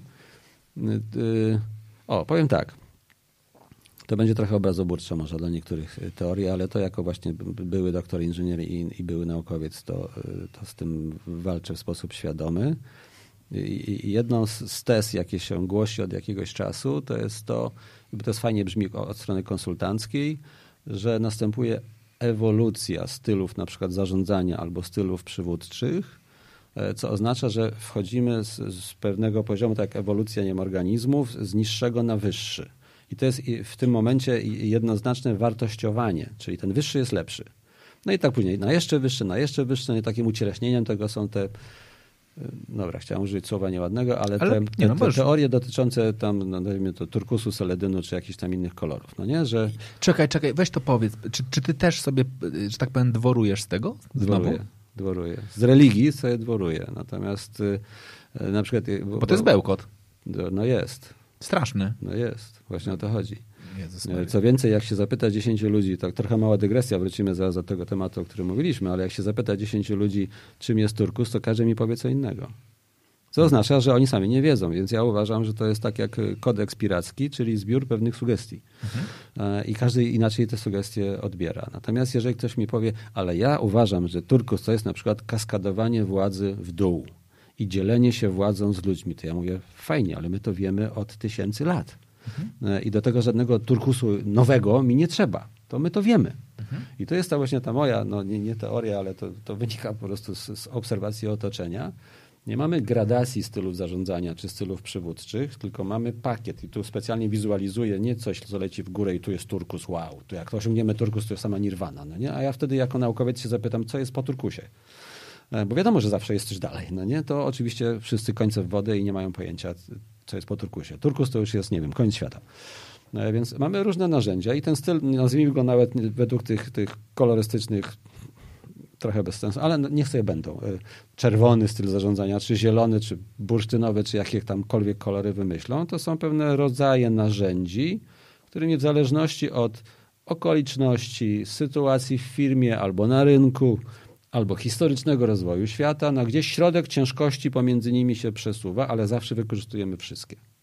Bo nawet jak ktoś jest bardzo turkusowy, no już użyjmy tego sformułowania, on jest taki wow, e, kocha tęcze i tam jednorożce i, i, i pluszowe misie. Przepraszam, nabijam się, no, ale wiemy o co chodzi. To jeżeli jest taka sytuacja, że ma, nie wiem, ułamki sekund na podjęcie decyzji i od tego zależy, czy firma przetrwa, to przepraszam, koniec pieprzenia E, i latania po ludziach i pytania. On ma ułamki sekund na podjęcie decyzji i za to mu płacą i dlatego jest przywódcą, żeby podjął tę decyzję w tym momencie. Koniec. I w tym momencie on może powiedzieć, ale ja się zrobiłem czerwony. Tak, bo masz narzędzia od czerwonego do tego tam turkusowego i wszystkie inne kolory po drodze. E, śmieszne zresztą takie jakieś pakietowanie tego i w zależności od tego, jaka jest sytuacja, takich narzędzi używasz. I tutaj wracając do twojego pytania właśnie, to owszem, do mniej więcej pi razy drzwi, bo to się naukowcy mogą sprzeczać, my nie jesteśmy naukowcami, ale ja to sam dla siebie i dla, dla ludzi, z którymi rozmawiam, powiedzmy do mniej więcej lat czterdziestych. To środek ciężkości był w tym dawniejszym stylu zarządzania, bo praca była w miarę prosta, dało się ją podzielić na proste elementy. Ludzie jak gdzieś wchodzili, to do, do, do, do emerytury tam sobie pracowali. Wystarczyło, jedna głowa wystarczyła, żeby tym zarządzić. Pi razy drzwi, ale od lat 40. możemy przyjąć jedna głowa, to już jest za mało. To po prostu jest fizycznie niemożliwe, żeby jedna głowa tym zarządziła. I coś, co bardzo mądrze z kolei w latach 50. i 60. już Peter Drucker zaczął pisać, zarządzasz, zaczynasz zarządzać nie prostymi ludźmi, tylko takimi, którzy mają bardzo dużą wiedzę i też ambicje intelektualne czy jakiekolwiek inne. I nie traktuj tego jako zagrożenia, tylko po prostu naucz się tymi zarządzać. No i to jest właśnie to przesunięcie środka ciężkości z narzędzi typu jestem Bogiem i to działa, to jest ważne, to było efektywne. Prosty przykład, e, fajne, bo, bo, bo ta szerokość wspomnianych moich zainteresowań daje mi fajne przykłady. E, Błażej Pascal, ten słynny mhm. filozof i naukowiec, on między innymi wymyślił maszynę liczącą i on ją skonstruował. I to nic z tego nic, nie, wyszło, nie wyszło, dlatego że 50 ludzi z ołówkiem wtedy było wydajniejszych i efektywniejszych i pewniejszych niż ta jakaś maszyna. Cholera nam ta maszyna, skoro to działa cały czas. Chłop się pomylił o, o 250-300 lat mniej więcej. Mhm. E, nadszedł jednak czas, kiedy właśnie taka maszyna, i to są te lata mniej więcej od 40. zwyż, zaczęła być efektywniejsza niż zarządzanie prostą właśnie grupą 50 ludzi z ołówkiem. I dlatego dzisiaj, czy nam się to podoba, czy nie, mnie się akurat podoba, ale no, wielu ludzi się po prostu musi tego nauczyć. Trzeba przesunąć środek ciężkości stylu zarządzania i stylu bycia przywódcą, liderem, jakiegokolwiek słowa użyjemy, z takiego nakazowo-rozdzielczego do koordynowania pracy specjalistów wybitniejszych od nas, ale w wąskich dziedzinach. I właśnie tu jest moja wielkość, że ja umiem skoordynować pracę kilkunastu, kilkudziesięciu wybitnych ludzi. Okej. Okay. I to nie jest trochę też tak, że o, co rozmowa, Tur Turkus Networking, pełna zgoda i dzięki za taką otwartość po skryptum chciałam e, wcześniej iść spać, czekaj, czekaj, bo muszę ten, ale trudno się oderwać. Dziękujemy bardzo Edyto, że jesteś z nami i tak wprost e, mówisz. Tak, to, to, to trochę, e, trochę tak jest. E, że jeszcze jest jeden element, jeżeli mówimy w ogóle o takich elementach, pewnie to jest dostępność do zasobów. No, jakby kiedyś, nawet jak mieliśmy ludzi intelektualnie E, gotowych na to, żeby, mhm. nazwijmy się, bardziej się usamodzielniać lub być bardziej odważnym i mówić, nie potrzebuję pracodawcy w cudzysłowie tak. do tego, żeby się rozwijać, to jednakże koszt nawet takich podstawowych rzeczy, jak komputery, jak zapewnienie sobie samodzielnego biura, po prostu koszt wejścia w tak. każdy nowy biznes był tak wysoki, że ludzie mówili, kurczę, okej, okay, mhm. może, może i jestem już gotowy to zrobić, ale jeszcze nie. Dzisiaj okazuje się, że z dnia na dzień właśnie, z telefonem to już banalnie, no, nie powiem nic mądrego, ale albo otwierasz y, firmę, albo coś, no, na co wa warto zwrócić uwagę i no, niby się mówi rynek pracownika, ale ludzie do końca nie rozumieją, co to znaczy, no, ale o ile jeszcze, nie wiem, 50 czy 70 lat temu, to jak już ktoś u nas pracował, to nie chcesz u nas pracować? Spróbuj sobie gdzieś indziej, no nie? I jest z pozycji siły.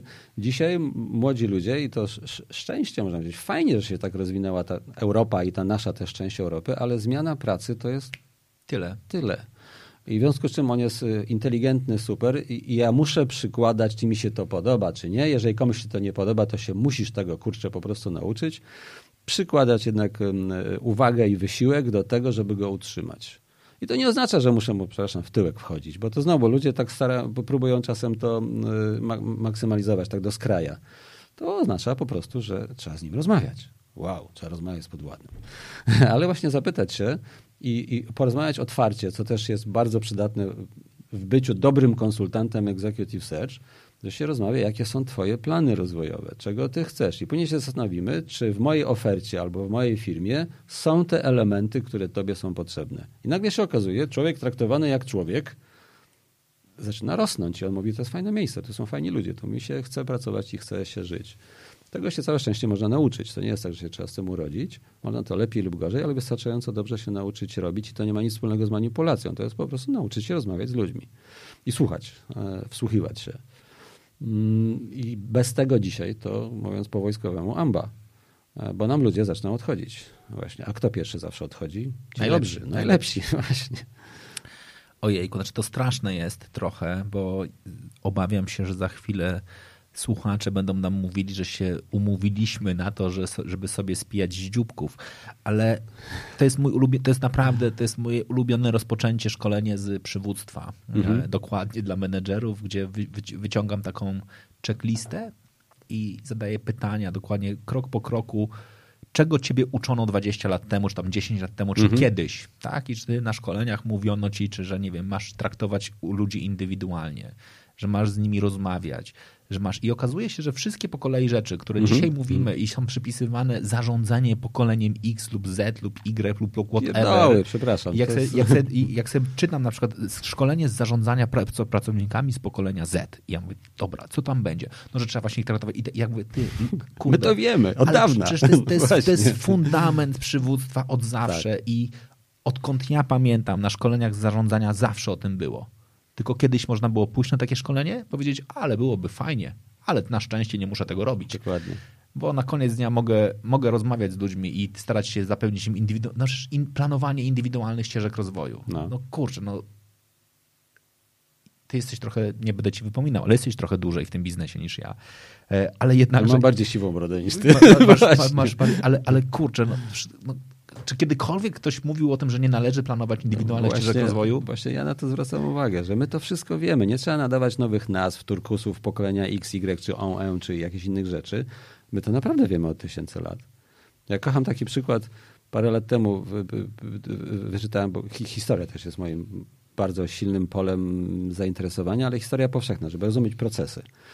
No i właśnie fantastyczna, jeżeli mogę, właśnie dwie minutki, no, bo to jest fajny element przywództwa, który też wykorzystuję czy na spotkaniach, czy, czy, czy wykładach. Historia z 200 tam pi razy drzwi, 220 któregoś roku przed naszą erą. E, kiedy właśnie obywatelka e, macedońska, czyli Macedonka, podeszła do króla Demetriusza i mówi, że ma sprawę do niego. On mówi, nie mam czasu. Ona mówi, to przestań być królem, kolego. I to jest historia opisana w podręcznikach historii przez historyków. To jest prawdziwe. To nie jest fajna historia amerykańska wymyślona, tylko ona mówi, jeżeli nie masz dla mnie czasu, to przestań być królem. I wtedy znajdziemy sobie takiego króla, co będzie miał dla mnie czas. I teraz, co to fizycznie oznacza i skąd to się bierze?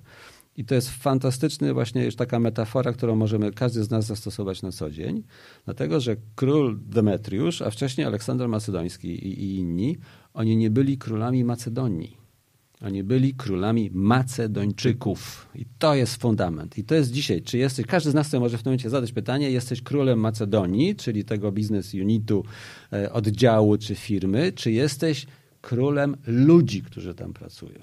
I dawniej wystarczało być królem Macedonii, Obszaru. właśnie obszaru obszar. biznesowego, a dzisiaj musisz być, jeżeli chcesz być efektywny, musisz być królem ludzi, czyli królem Macedończyków. Fantastyczna historia. Jak to przeczytałem właśnie parę lat temu, mówię, wow, to zresztą sobie zapisałem, właśnie napisałem na której stronie, w którym podręczniku, żeby nikt nigdy nie zarzucił, że spały to wziąłem e, i mam to i teraz y, zaczyna to pracować, to znaczy zaczynam to wykorzystywać, bo świat nagle zaczął to rozumieć. No tu proszę. Dwa i pół tysiąca lat temu prawie, że kurczę, już to ludzie wiedzieli. Więc my odkrywamy pewne rzeczy no i mówimy też właśnie, nadajemy nowe nazwy, typu tam, znowu sobie będę bekę robił, WK, e, e, Turkus, czy jakieś tam inne rzeczy. Natomiast my to wszystko wiemy. Kopernik y, nie stracił na ważności. Kopernik cały czas to, co zrobił, jest, jest ważne. Ja mam, taką, ta, mam taki pomysł, który mi od jakiegoś od jakichś pięciu minut chodzi po głowie. Ja mam pomysł, jak zarobić duże pieniądze. Trzeba wymyśleć teorię, której trzeba dać nazwę związaną z kolorem. Zobacz, nie Ale na tym to polega. To ty, ty... Bl- Blue Ocean, Blue Ocean. O, Znaczy, oczywiście, tak. Blue Ocean nigdy by nie był popularny, bo on polega Gdyby na nie tym, miał takiej nazwy. Gdyby nie miał, znaczy, ja, ja, to jest straszne, bo to jest moje, przepraszam, to jest moje, ja, znaczy jak ktoś mi w ogóle mówi o całej strategii Błękitnego Oceanu i trzeba się poruszać tam, gdzie nie ma konkurencji, mówię, Tak. serio, kurwa, serio. Wow, Wow! Nie, nie, wpadłbym na Nie to nigdy. na to, Super. Kurde, nie? wiesz co, ja, jak, jak, ja, ja, ja nawet to wykorzystuję, jak idę na ten, na, na, na konferencji, na obiad. To ja mam taki pomysł, że nie idę na obiad wtedy, kiedy wszyscy idą, bo to jest, Tak. taki, to, to, to jest czerwony ocean. Właśnie. Tylko wtedy staram się na przykład wyjść trochę wcześniej, żeby być pierwszym, albo pójść na samym końcu, albo znaleźć inną restaurację. I wtedy mówię, Tak. to jest taki mój, to jest mój Blue Ocean Prywatny Lunch. Blue Ocean, tak, właśnie. To jest no, ten, no. I my musimy, musimy tak naprawdę tak. Po pierwsze, to musi mieć jakiś akronim. Musi być ak- Tak. akronim, który będzie to dobrze, dobrze, dobrze definiował. E, musi być kolor. Jak już wspomniałeś o tych siwych brodach, możemy zrobić grey. I to będzie naprawdę ten, będzie grey leadership model. I teraz musimy do tego dodać jeszcze kilka trudnych słów, Tak, żeby, to, żeby, to, wiedział, że to tak działa. Żeby to miał dobry akronim. Bo y, już mi wolno, bo już jestem wiekowym konsultantem, y, y, który w tym momencie jest dosyć niezależny, to nie więc mogę mówić, co myślę, ale generalnie biznes tych globalnych konsultantów, którzy chcą być sławni przez to, że coś wymyślają, to polega na tym, żeby nazwać coś, co już istnieje w nowy sposób, dołożyć do tego właśnie kolor i jakieś tam strutu, tutu, pęczek drutu y, i to od nowa opakować i sprzedać. E, Więc stąd nie ma, tak powiedziałem, jeżeli mówimy o kaskadowaniu władzy w dół, tak, jestem wręcz wyznawcą, ale ja nie potrzebuję do tego nazwy jakiś turkus czy jakieś tam inne kolory, bo to już wszystko od dawna wiadomo. Y, Jeżeli mówimy właśnie o szukaniu przewag konkurencyjnych, to nie potrzebuję nazwy Blue Ocean.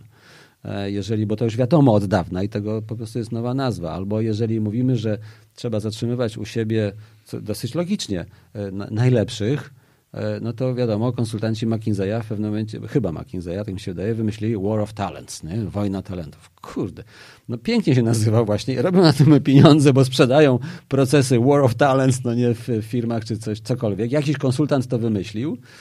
E, niestety, i o ile jeszcze u konsultantów, dobra, przymykam oko w tym sensie, rozumiem, taki job, ale taka praca, przepraszam za tego joba, a taka praca. Natomiast niestety współczesny świat jest taki, że to przenosi się na świat nauki też. I niestety zauważam, że szanowani do tej pory profesorowie, tutaj bez nazwisk, ale tak globalne nawet autorytety w świecie przywództwa czy czegokolwiek, zaczynają wchodzić w nazywanie właśnie, wymyślanie nowych nazw, które są fajne, marketingowo sprzedawalne, a dotyczą dokładnie tego, co już wiemy od, od dawna. Łącznie z tym, kolejna trochę beka z mojej strony, zarządzanie paradoksem. Najnowsza moda w przywództwie gdzieś tak od roku, półtora, czyli a jak, jak, jak zaczynam czytać, ale, ale o co chodzi w tym zarządzaniu paradoksem, to się okazuje, no bo prezes firmy albo dowolny menedżer to zarządza paradoksem, czyli zarządza tym, że musi czasem zajmować się sprawami wielkimi, strategicznymi, długoterminowymi, a jednocześnie tego samego dnia za chwilę musi się zająć czymś, nie wiem, zwolnieniem pracownika czy jakąś pierdołą codzienną. I parę takich, że duże, małe, duże, małe. Ja mówię, tak, a do tej pory to co innego robili, tylko że się teraz to nazywa zarządzanie paradoksem. To jest trochę jak w Mieszczaninie Szlachcicem Moliera wow, to ja 40 lat prozą mówiłem, naprawdę. Tak, to jest czad. Więc to jest piękne. I to jest, żałuję, ale niestety na świat nauki to się przenosi.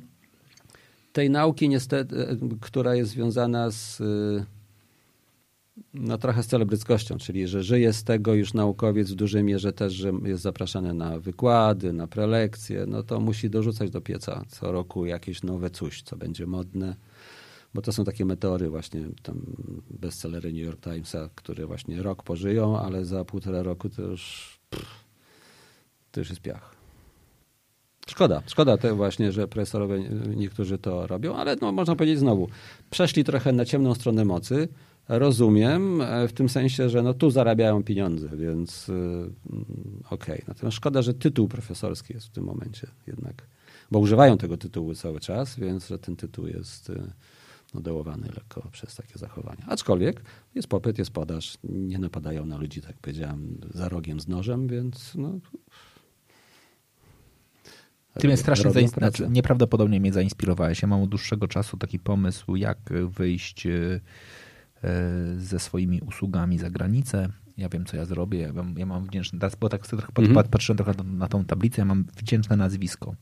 Tak, ono bo, jest fajne międzynarodowe. Ono jest fajne, tak. ale ono jest moim zdaniem zajebistym akronimem. Jeszcze nie wiem do czego. I, ale to jest właśnie, trzeba wymyślić pum, pum, pum, do, do tych każdej literki coś ja. Ja sobie myślę, że to będzie, nie wiem, Hero, Energy, Revenge, coś tam jeszcze i stworzę z tego absolutnie... Reptile, albo coś, albo Raptor, albo właśnie coś właśnie. Zrobię z, z, tego naprawdę mocny model. No opublikuję go w jakimś dobrym czasopiśmie międzynarodowym albo wydam szybką taką krótką książkę, którą opierdzielę w Stanach i od tego dnia będą wszyscy mówili, że to jest Haraway, Haraway, Haraway. Tak. Na początku nikt nie będzie wiedział, że Hera, Hera żyje. W ogóle, w ogóle właśnie, nikt nie będzie tak. wiedział, że będą myśleć, że to jest po prostu taka kolejna tak. wuka, a, a, później ja się pojawię i powiem here I am.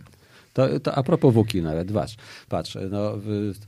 No nie będziemy je męczyć, ale jak chcesz, to możemy, możemy ją pomęczyć. Ale, ale może nie ma. Najpierw, musimy, jest, najpierw musimy wytłumaczyć słuchaczom, czym jest WUKA. Tylko, to, jest... to, tylko ten przykład malutki właśnie pojawiła się WUKA i od razu ktoś wymyślił WUKA Prime bodajże to nazwał, czy coś w tym stylu. Czyli dla tych samych czterech liter V, U, C, A dodał inne nazwy, które podchodzą pod te litery i mówi, to jest taka kontrwuka, WUKA Prime to nazwał. Srusz, sprzedaje się książka fajnie. Naprawdę? To my zrobimy WUKA Light.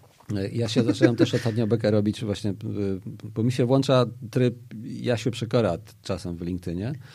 E, więc jak widzę te różne WK Prime, to tak sobie pozwolę na nie napisać. To tylko czekam na WK Turbo Diesel albo WK 20 Second nie, Century. WK 4.0 będzie. Albo WK 4.0 właśnie, no bo WK już nie chodzi, trzeba ludziom powiedzieć, mamy dla was, dla was nową WK. No, nie wiesz, ty w ogóle nie wiesz, jak się, jak się tworzy akronimy, dobra, czy, czy, czy jakby ten, albo nowe wersje, 4.0, dzisiaj ten, albo WK Digital.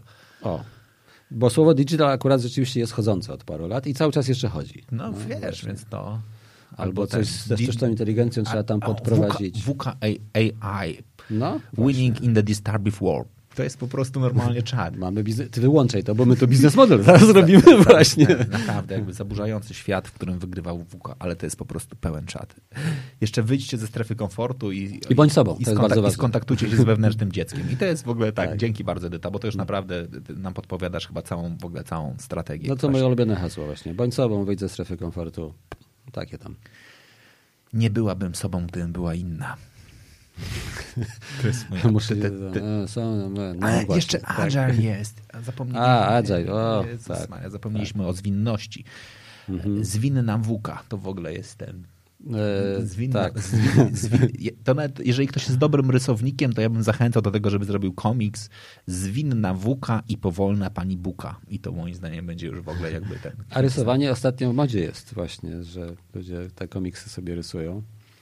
Ale to ja, dobrze, ja bo stary jestem, ludzie myślą, ja obrazko, ludzie myślą Mhm. obrazkowo, memami, no to dobrze akurat. No, Jesteś w branży, no, mimo tego, że to dzisiaj stanowi małą część twojego biznesu, czyli ta, ta serczowa, której jednocześnie ja tutaj nawiążę jednak do tego czerwonego Mhm. oceanu, którym jest nieprawdopodobna konkurencja. Tak? I jakby ta konkurencja staje się bardzo krwawa. Znaczy, nie chcę teraz powoływać się na twarde dane, bo czekam na raport, który został opublikowany w tym tygodniu na konferencji kadry, znaczy nie kadry, tylko jakiejś konferencji Mhm. jakby związanej z kadrami.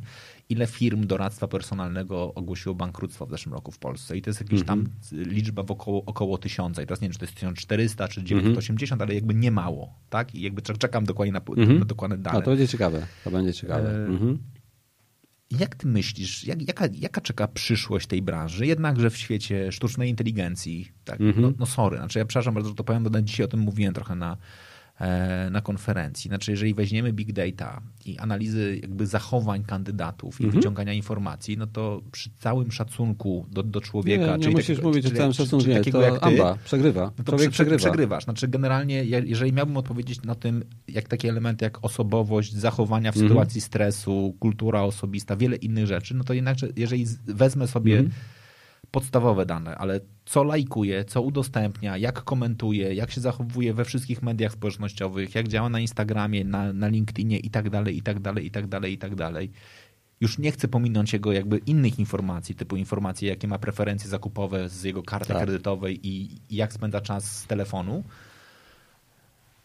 no to konsultanci nie mają łatwego życia takiego, takiej, i takiej świetlanej przyszłości. E, Absolutnie tak. E, Tutaj uśmiecha mi się teraz, ja robię banana z kolei, bo mówisz tak, jakbyś czytał moje dwa artykuły o sztucznej inteligencji. Tak? Ale to nie E, czytałem, przepraszam. To, Znaczy- nie, nie musisz po prostu- ja jestem oczywiście sławnym konsultantem, ale... tych, i- tych, jeszcze- dwu, tych dwóch akurat nie Właśnie.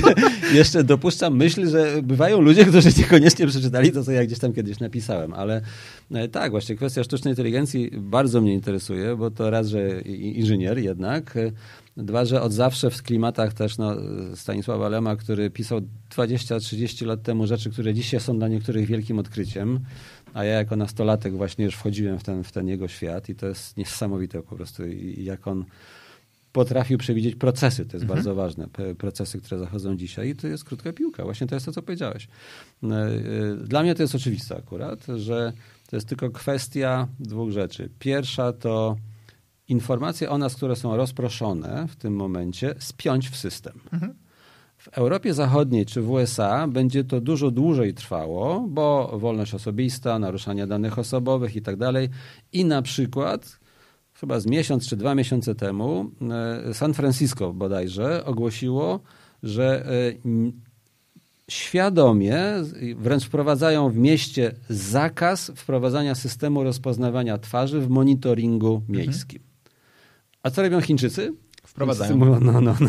Nie po to jesteśmy takim państwem, jakim jesteśmy, żeby taką fantastyczną ilość danych, która się tu miesza w różnych systemach, e, bazach danych, żeby tego nie spiąć w system. I w Chinach, no akurat no z racji tego, że tam demokracja jest troszeczkę inaczej zdefiniowana niż u nas, Oni mają inne rozumienie słowa inne demokracja. rozumienie i obywatele też y, to uwz- uwzględniają. Oni tam się nie burzą, tam rewolucji jakiejś nie będzie.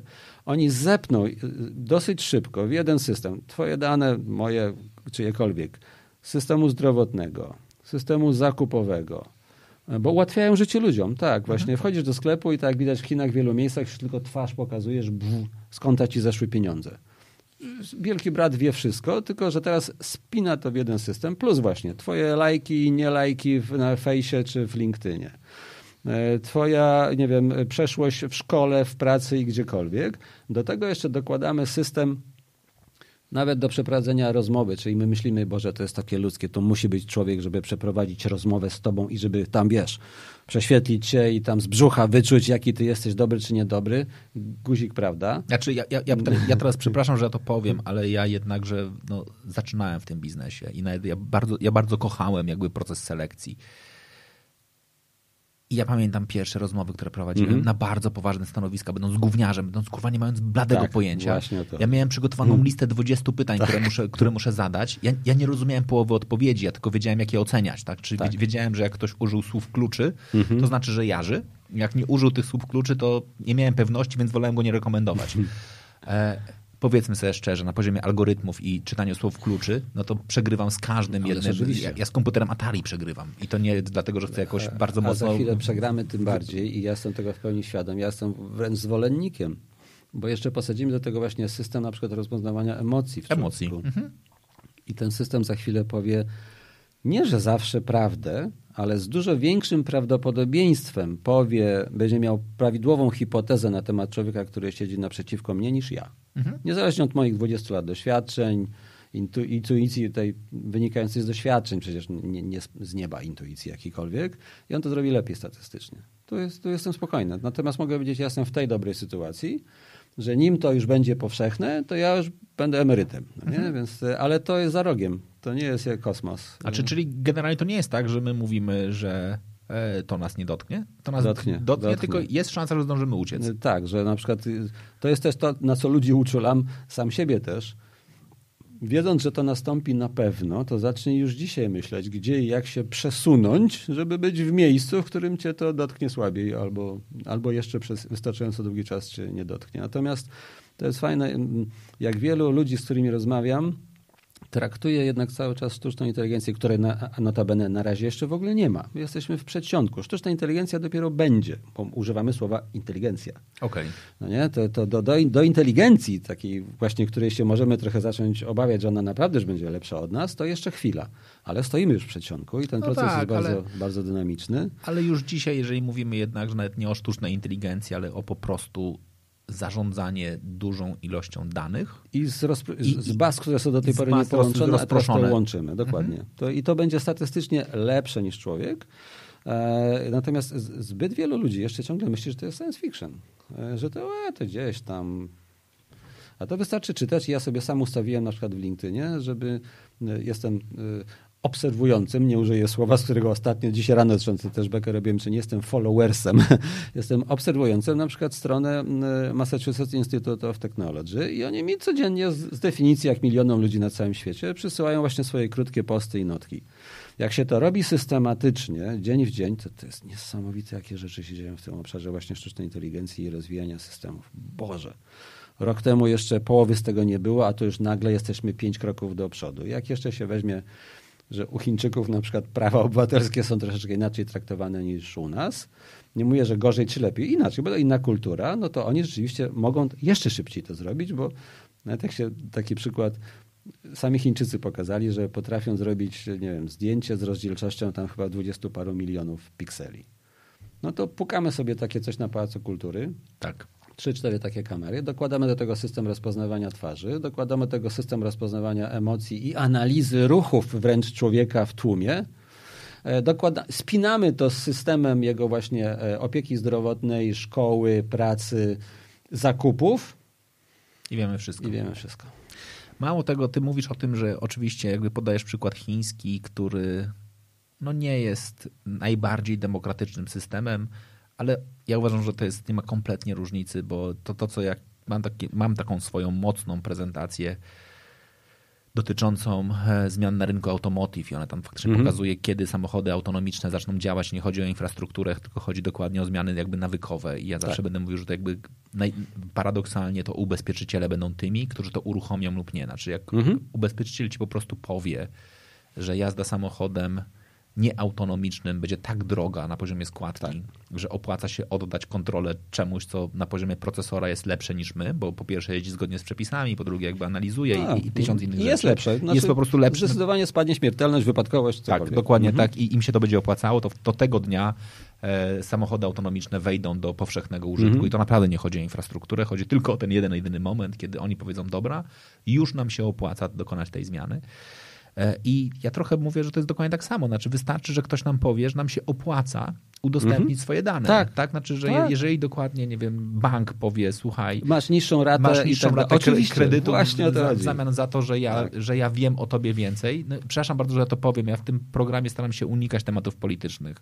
Ale skoro my się sprzedaliśmy za 500 zł miesięcznie, Mhm. to my jesteśmy w stanie się sprzedać za, Zrobimy to. za, za, za każde inne pieniądze w momencie, w którym ktoś nam za przeproszeniem powie, nie wiem, Cinema City lub też Multikino powie nam, jeżeli udostępnisz nam- dane, będziesz miał darmowy bilet do kina Tak. i na pewno będzie jakiś procent ludzi, którzy powiedzą, wow, super fajnie, Mhm. oddam część swojej prywatności Tak, za darmowy tak. bi- bilet do kina. A jeżeli to nie będzie darmowy bilet do, do kina, bo się nagle okaże, że to jest po prostu, ja przepraszam, że to powiem, zgrywalizowanie społeczeństwa na poziomie, że im więcej dostajesz danych, tym masz szansę zebrać więcej Tak. punktów, a im więcej Mhm. zbierzesz punktów, tym więcej tych punktów będziesz mógł wykorzystać na różne rzeczy. A w totalu to się będzie, będzie jakby opłacało społeczności. Nagle się okaże, że ten.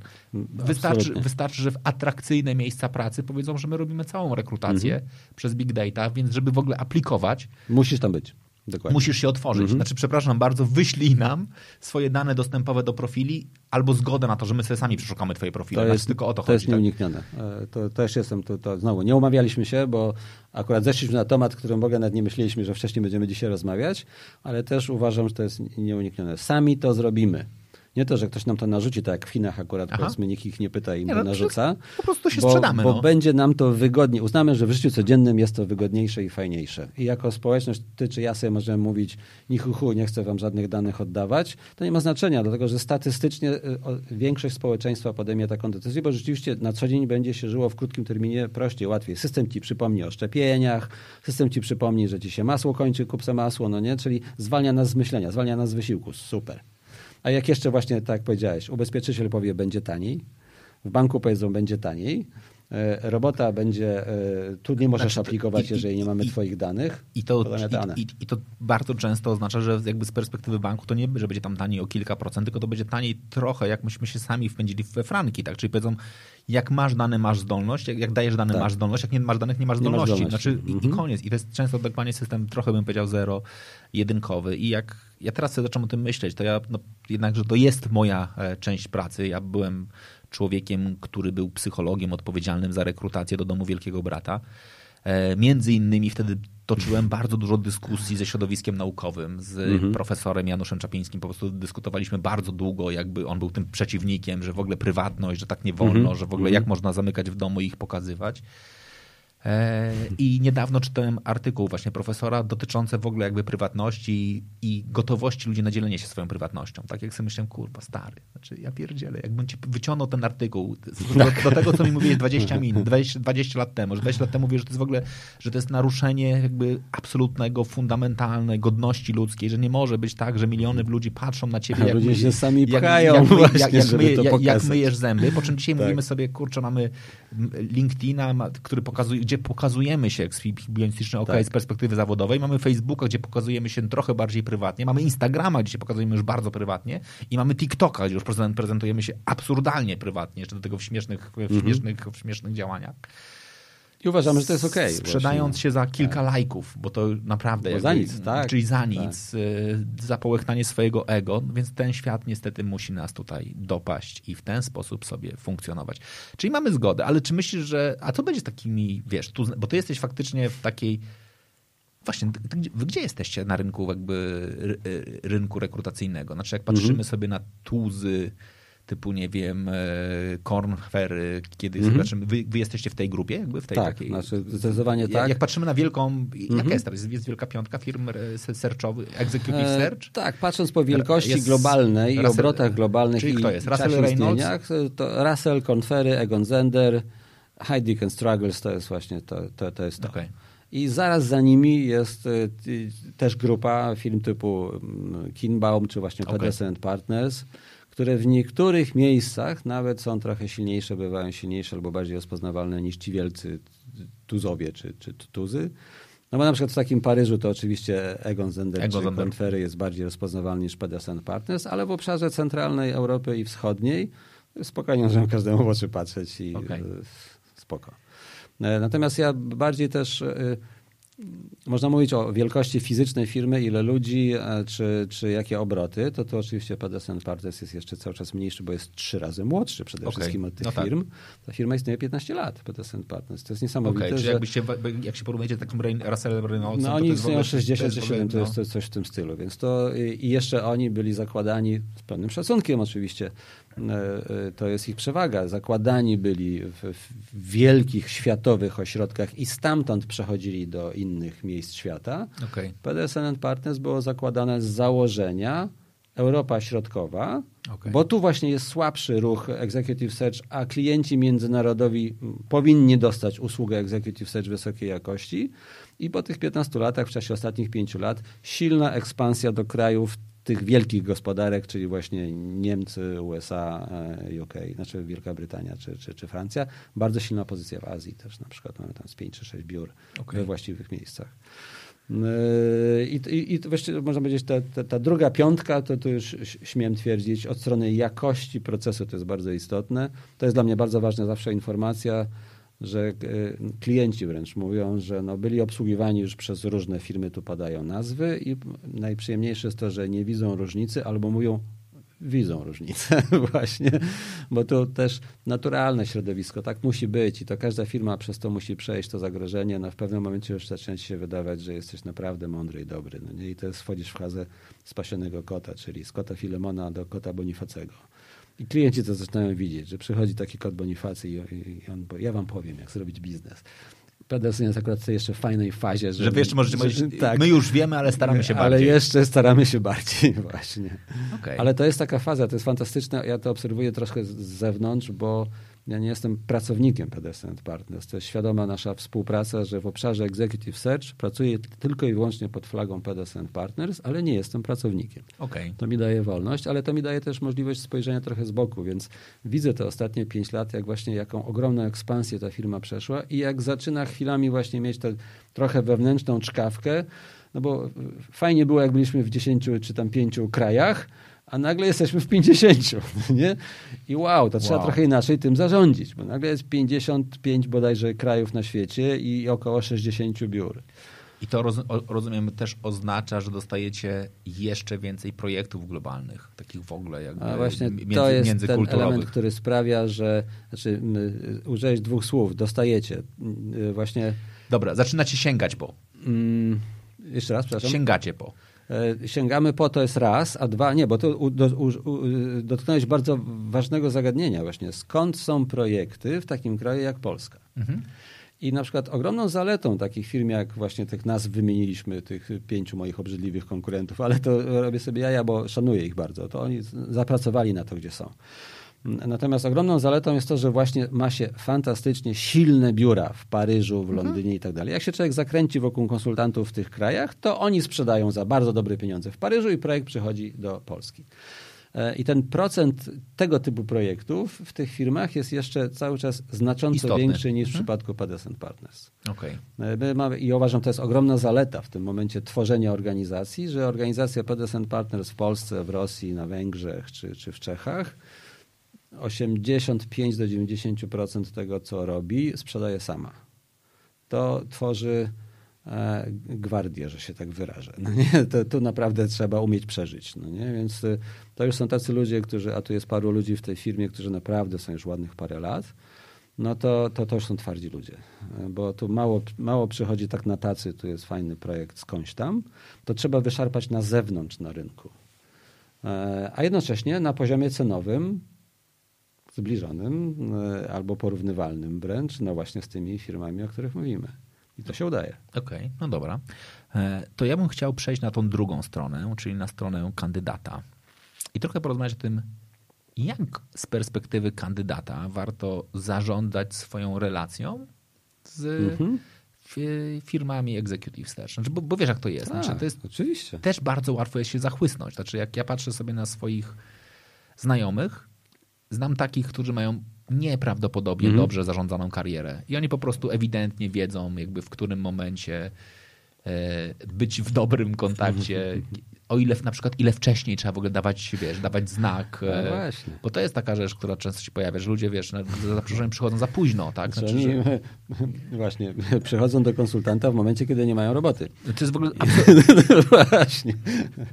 I to jest śmiech na sali. Przepraszam, że się śmieję, bo to są zwykle bardzo trudne sytuacje, ale ja o tyle mogę ludziom w oczy patrzeć, bo od ładnych paru lat prowadzę, no takie głupie słowo, ale często używane, ewangelizację albo informację, informuję ludzi, u, uczę albo pokazuję, jak trzeba zarządzać swoimi relacjami z rynkiem executive search.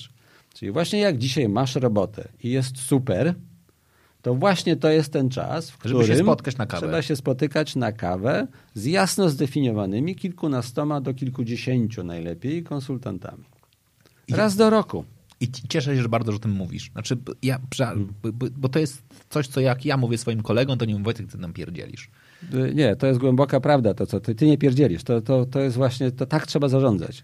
I w momencie, w którym na przykład się zaczyna robić ciężko, albo właśnie połączyły się dwie globalne firmy, ty pracowałeś fantastycznie, ale i tak dla ciebie miejsca nie ma po tym połączeniu i wychodzisz na rynek pracy, czy się to podoba, czy nie, to ty nie zaczynasz od zera, tylko dzwonisz do kilkunastu, kilkudziesięciu ludzi, z którymi masz spokojną, nie jakąś tam kumplowską i tak dalej. To, to, to, to nie są kumple królika. To jest po prostu profesjonalna, biznesowa relacja. Po pierwsze, oni wiedzą, kim jesteś i czego chcesz. Nie musisz im od zera tego tłumaczyć, tylko mówisz, wychodzę na rynek, jest taki tak, to jest moje najnowsze CV. E, I, i, I działa to, jak ja uważam. Czyli tak, nawiązaliśmy te relacje, oni chodzą po rynku i sprzedają projekty rekrutacyjne i jak mają fajny projekt, to co się dzieje? Przychodzą do do, mnie dzwonią, że panie Darku, panie Wojciechu, czy panie jakiś inny, czy pani tam Zofio, mamy taki ciekawy projekt, czy pan, pani byłaby zainteresowana. I, To tak ma działać. I generalnie, żebyśmy to trochę, żeby to wybrzmiało, czyli jeżeli jesteś, nie wiem, ważnym menedżerem, członkiem zarządu, nie ma wstydu z tym, że zadzwonisz do konsultanta i powiesz cześć. Żadnego, bez sensu. I- ktoś uważa, że to wstyd, to znaczy, że ma coś z głową. Jest, jestem zadowolony z miejsca, w którym jestem, ale chciałbym, żebyśmy się poznali dokładnie dlatego, że nigdy nie wiadomo, co się wydarzy. Wypijmy kawę, zjedźmy, zjedzmy lunch. Ja ci opowiem trochę, jakie mam swoje doświadczenia, co robiłem wcześniej, ale też opowiem ci trochę wprost mówiąc, gdzie się widzę. Znaczy, nie wiem, jeżeli dzisiaj na przykład jestem, nie wiem, w spółce technologicznej, ale długoterminowo chcę być na przykład w takim biznesie, który się rozwija, nie wiem, w sporttechu i myślę sobie, kurczę, myślę sobie, że ta branża się... Mam takie marzenie, ale nie wynika to z mojego CV, prawda? Nie wynika z No mojego, właśnie, z mojego tak. CV. Mało tego, wierzę, że sport tech eksploduje, tyle tylko, że tego jeszcze rynku nie ma. Mhm. I tak długo, jak ja tobie tego nie powiem, No to on się tego nie domyśli sam. to ty się nie domyślisz tego. A ty nagle któregoś pięknego dnia, będąc, nie wiem, na rozmowach któregoś ze swoich klientów, i on powie, słuchajcie, będziemy dzisiaj, nie wiem, w Azji stawiali nową Tak. spółkę technologiczną, która się będzie zajmowała zarządzaniem sportem. A mi się otwiera klapka. I ty mówisz, gościa ty, pół roku temu, pół roku temu był- był taki Właśnie. gość. I to ja do niego dzwonię, a nie on do mnie musi co chwilę wydzwonić. Okej, plus ty masz, żeby też była jasność, ty masz w tym biznes, żeby mieć e, w swoim portfelu Oczywiście. dobrych ludzi. Żeby znać ludzi właściwych. Tutaj jeszcze, jeszcze jedno, bo poruszyłeś bardzo ważną kwestię, którą często z menedżerami omawiam. Dlaczego konsultant Executive Search miałby chcieć się z kimś spotkać? E, Bo znowu, trzeba się postawić trochę też w pozycji takiego konsultanta, trochę jak ja, ale już mniej jak ja, bo to jest już mniej mojej pracy, ale takiego rasowego, który zajmuje się tylko i wyłącznie tym. To są naprawdę zajęci ludzie.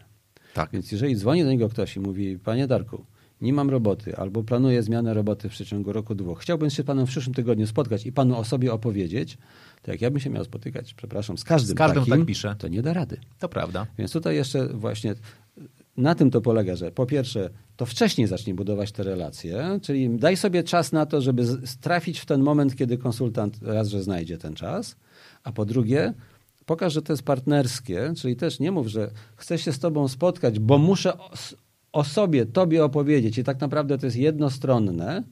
Dodaj jeszcze ten element i wywiąż się z niego. Opowiem ci o najnowszym trendzie w tym a tym sektorze, bo konsultanci się uczą tylko i wyłącznie od swoich klientów i kandydatów. To, że ja taka mądrala, to ja to, mnie tego nie uczyli. Ja jestem doktorem inżynierii nauk technicznych, mnie o pojazdach uczyli. To ja się dowiedziałem po tysiącach rozmów z, z, z mniej lub bardziej ciekawymi ludźmi. Więc jak się ktoś powie, powiem panu o tym, coś konkretnego, o tym i o tym, wow, o, to dowiem się coś od tego człowieka. To warto te 45 minut czy godzinę w kawę zainwestować. To jest piękne. Znaczy, dziękuję Ci w ogóle, że o tym mówisz. To jest coś, co w wielu miejscach e, otwiera oczy ludziom, czyli że skąd bierze się mądrość konsultanta. E, to jest, to, to często, ja to nawet często mówię ze sceny, że część klientów mówi o mnie, Wojtek, ty jesteś najmądrzejszym konsultantem od sprzedaży B2B w Polsce. Ja mówię, guzik, prawda, nie jestem najmądrzejszym konsultantem. Ja właściwie jestem tępy dosyć, ale ja umiem słuchać i zbierać informacje, się później nimi dzielić. E, ja mam to, ja mam to szczęście, że pracuję dla najlepszych firm od sprzedaży B2B w Polsce. Jest się od kogo uczyć. I dzięki temu, że Właśnie. pracuję dla najlepszych, mogę tak. pracować dla innych najlepszych, a skoro tak. ten... Znaczy to jest trochę tak, ja to zawsze porównuję do sportu. Znaczy jak zaczynasz grać, grać nie wiem, w Lidze Mistrzów, mhm to albo, albo, albo dojdziesz do tego poziomu, że grasz z nimi regularnie i po tak. prostu grasz na poziomie Ligi Mistrzów, albo bardzo szybko odpadasz albo cię wyfiltruje i, i, i, cię wyfiltruje i, cię, i cię nie ma i możesz sobie mówić, że jesteś drużyną, która raz awansowała do Ligi Mistrzów i zagrała tam dwa miesiące. Szanuję was bardzo za to, ale przykro mi, jakby, że, że tak się czasami dzieje z e, niektórymi e, mhm. klubami, które tak, e, tak mają. Okej, okay, dobra, to jest pierwsza rzecz. Druga rzecz, jakby dajemy sobie czas, czyli budujemy relacje odpowiednio wcześnie, czyli nie, nie przychodzimy trochę parafrazując jakby, nie wiem, anegdotę z bankiem, bank to jest y, ta instytucja, która da ci pieniądze wtedy, kiedy ich tak naprawdę nie potrzebujesz, tak. czyli najlepiej jakby rozmawiać o finansowaniu dla firmy, o kredycie wtedy, kiedy masz na, nadpłynność. Kiedy jesteś silny jesteś właśnie. silny, tak. jest w ogóle super fajnie. Tak samo powinno być, rozumiem, trochę z, trochę z z, z, z relacją. absolutnie te same. Czyli przychodzisz po prostu wtedy, kiedy jest mi dobrze, mhm. mam, tak. Mam świadomość nie tego, masz presji że, że, że nie, nie, nie, masz paniki w oczach i błagania w oczach. I, i błagania i mówię, dobra, spotkajmy się, wypijmy kawę, pogadajmy, co, co zrobimy. I to jest ten moment, kiedy mówimy, że ludzie często mają szczęście, tak, że dostają fajne oferty, ale temu szczęściu trzeba pomóc poprzez to, że po prostu trzeba się, się, uaktywnić, pojawić odpowiednio i powiedzieć, dobra, Tym bardziej, że, oto jestem. Mm, jak sam powiedziałeś, e, i to jest właśnie ciekawa dla mnie liczba, bo ja wcześniej nie słyszałem, że być może między 1000 a 1400 firm rekrutacyjnych zbankrutowało, ale to by potwierdzało tę informację, którą no, często się słyszy na rynku, aczkolwiek nigdy nie wiedziałem takiego realnego wyliczenia, ale że w Polsce generalnie jest około 5000 do 5000 firm rekrutacyjnych. Za dużo. I to jest dużo za dużo oczywiście. Z drugiej strony, jeżeli mówimy o top, znaczy menedżerach z górnej półki, czyli tych pracujących na poziomie executive, dla nich, przepraszam, dla nich jest ważnych około 30-40. Znaczy powiedzmy tak, 10-12 to jest takie musisz, musisz. Oni muszą wiedzieć, że ty żyjesz i czego chcesz. Kim jesteś i czego chcesz od, od rynku na przyszłość. No jest jeszcze te około 20, które fajnie by było, żeby wiedziały, bo statystycznie miewają też projekty takie, które cię interesują. I znowu, prosta piłka. Tu się włącza mój tryb inżyniera, który jest bardzo przydatny. Okej, okay. 35 firm to oznacza, że 70 ludzi z imienia i nazwiska. I jadę tabelka w Excelu i jadę po prostu. To jest niesamowite, jak ludzie mówią, panie Dorku, właśnie miałem y, całe życie, praca mnie szukała, a właśnie mnie wyrzucili, albo no ładnie mówiąc jakoś tam inaczej, no nie, no ale połączyły się dwie firmy. Gościu bardzo uczciwie pracował, ale nie ma dla niego miejsca. Co ja mam teraz robić? Ja się pytam, ilu pan zna konsultantów Executive Search? No pana... Um, patrzy, patrzy, no jeszcze ze trzech, czterech. Ja mówię, no fajnie, no to rzeczywiście, to zaczynamy od gołej ziemi, no nie? I to w momencie, w którym jest panika. A miał 4-5 lat fantastycznego okresu, kiedy był spokojny, był decydentem, był też istotny z punktu widzenia firm konsultingowych jako potencjalny klient. klient. Więc mógł, dzwoniąc, spotkajmy się, to mógł liczyć na to, że tam od razu wezmą teczkę i przylecą, bo nie wiadomo, no dzisiaj klient, jutro kandydat, pojutrze konsultant, a po pojutrze kolega. No właśnie tego nie wiesz na tym poziomie. Yy, I zmarnował 4-6 lat swojego życia, kiedy było fajnie, a mógł spokojnie z ogromną bazą już ludzi, których zna. I tak podkreślam, to nie ma nic wspólnego z kolesiostwem, kumplami królika. To są po prostu jest właśnie profesjonalny networking strategiczny. Okej. Okay. I, I ja jeszcze dodam, że bardzo często jest tak, że jak jesteś na tej pozycji, w której jesteś, ale jak się spotkasz i spotkasz się w trzech celach, przedstawić siebie, mhm. nauczyć konsultanta i ja jeszcze do, dodam jeden, dowiedzieć się, kogo on ewentualnie aktualnie poszukuje, bo być może wśród mhm. swoich znajomych i on, ci, i, i on ci powie, wiesz co, hmm. fajnie, że ty jesteś zadowolony, ale przy okazji mam otwarty teraz dokładnie, nie wiem, proces rekrutacyjny na... Kogo możesz mi polecić? Na, na członka zarządu do spraw, mhm. nie wiem, e, informatyzacji w Belgii. I ty mu mówisz, wiesz co, Aktualnie jest u nas gość, który jest, no dobra, nie u nas, nie, Może że nie u nas, jest ale mam firmy. znajomego. Mam przyjaciela, tak. który jest ekspatem, który, mhm. który jakby do, przy, przyjechał jakiś czas temu, on jest Francuzem już myśli o tym, żeby wrócić. Do Belgii będzie się nadawał. Świetnie mówi po angielsku, bo pracuje w Polsce, poza tym dobrze mówi po francusku. Mhm. Spotkajcie się. I nagle okazuje się, że znowu wyświadczyłeś przysługę. I, to, Tak. tak, i to taką bardzo wartościową. I, i, I to właśnie tak działa. I to żaden handel, tylko no właśnie to jest istota networkingu. I to jest dla mnie zaskakujące, że po tylu latach gadania o networkingu, takie dosyć fundamentalne i podstawowe, bo to nie jest budowa kosmolotów. To są proste i oczywiste rzeczy. Y, Cały czas no, dla mnie to jest e, obszarem mojej pracy, że ja to muszę ludziom uświadamiać. No z jednej strony fajnie, bo mam robotę e, jeszcze ciekawą i przyjemną, bo rozmawia się z inteligentnymi ludźmi. Z drugiej strony no, to, to, to są podstawy podstaw. Okej, i teraz ja mam pytanie, bo jakby na ile w ogóle, i teraz to jest coś, co od jakiegoś czasu mi się pojawia z tyłu głowy. Ja nie, nie mam bladego pojęcia, na ile to jest legalne, tak, ale Mhm. Czy w ogóle w Polsce jest już zawód agenta menedżerów? Czyli je- jest ktoś taki, kto mówi, Nie. dobra, to ja będę cię reprezentował, w sensie będę, że tak powiem, Może gdzieś jakieś indywidualne osoby próbują i próbowały. Rzeczywiście było takich parę prób, o których wiem. To nigdy nie przetrwało. Częściowo pewnie ze względów właśnie jakichś tam prawnych czy regulacyjnych, e, ale nie. To, to jeżeli nawet gdzieś ktoś istnieje, takie to są śladowe ilości. Okej. Nie ma czegoś czyli, takiego. czyli dalej nie masz takiej jakby zorganizowanej Nie. Grupy, że możesz sobie przyjść, powiedzieć, słuchaj, ja ci będziesz moim po prostu No no, ja ci no, tam, nie wiem, agentem. no, zapłacę jakby- pierwsze dwie pensje na przykład za to, że mi znajdziesz jakąś robotę. Były takie próby, nawet firmy, no nie będę wymieniał nazw, bo to nie ma sensu, one już nie istnieją zresztą, ale były i to zginęło. Okej. Także to, to rynek to jakoś wyfiltrował, nie działa. Czyli cały czas jakby ważniejszy jest ten, który poszukuje? Mhm. Czyli nawet jak mamy rynek e, kandydata, to dalej jakby jest ten moment jakby poszukiwania istotnego E, i, i, i selekcji. Tu od razu, bo, bo rozmawiamy oczywiście o tych wysokich stanowiskach. Tak, znaczy ja w ogóle... Ja w, ja w ogóle... Nie ma rynku kandydata na wysokich stanowiskach. Okej. Zapomnij. Okej. Jest rynek kandydata na niektórych, w niektórych sektorach na poziomie specjalistów, no szczególnie właśnie IT. Jeżeli dzisiaj do mnie przychodzi menedżer wysokiego szczebla i mówi, panie Darku, jakbym tak dzisiaj zaczął szukać pracy, to statystycznie jak to będzie wyglądać, to ja mówię dokładnie tak samo jak 3, 4, 5 lat temu, od pół roku do roku minimum, licz. Okej. Oczywiście to jest krzywa Gaussa, nie? Te rzeczy, jakbyś miał szczęście, to miesiąc, jakbyś miał mniej, to półtora roku, ale ten środek jest od pół roku do roku niewyjęte. Czyli tutaj się nic nie zmieniło. Co Nie. wynika z bardzo prostej rzeczy, Nic. to nazywa się struktura organizacyjna, czy też Tak. piramida struktury organizacyjnej. Po Jest prostu mniej. w naturalny sposób. Dokładnie. Nawet jak firma rośnie, i to zawsze będę mówił, nasza firma rośnie od 20 pracowników do 300, ja mówię, a ilu z tych, z tych pracowników jest prezesów dzisiaj? Tak? Znaczy, No właśnie. czy, czy tak samo skaluje, że mia- miałeś tam ten, czy mamy dzisiaj Czy też pięć razy- dwudziestokrotnie wzrosła masz właśnie liczba dyrektorów, dwudziestokrotnie no nie? liczbę Tak. prezesów? No nie, no okej, no to masz odpowiedź na Więc to- pytanie, to jakby nie tutaj, czym jakby, jeśli chodzi Nie o... ma rynku pracownika wśród menedżerów. Okej, dobra. Jeżeli macie do nas jeszcze jakieś pytania, to to jest ten moment, kiedy możecie je jeszcze chcieć nam e, zadać. Ty wspomniałeś o tym, że piszesz. Masz, masz jakąś taką dłuższą formę za sobą? Mm, No mam jedną książkę. tak, tak. Ojej! Au, wow.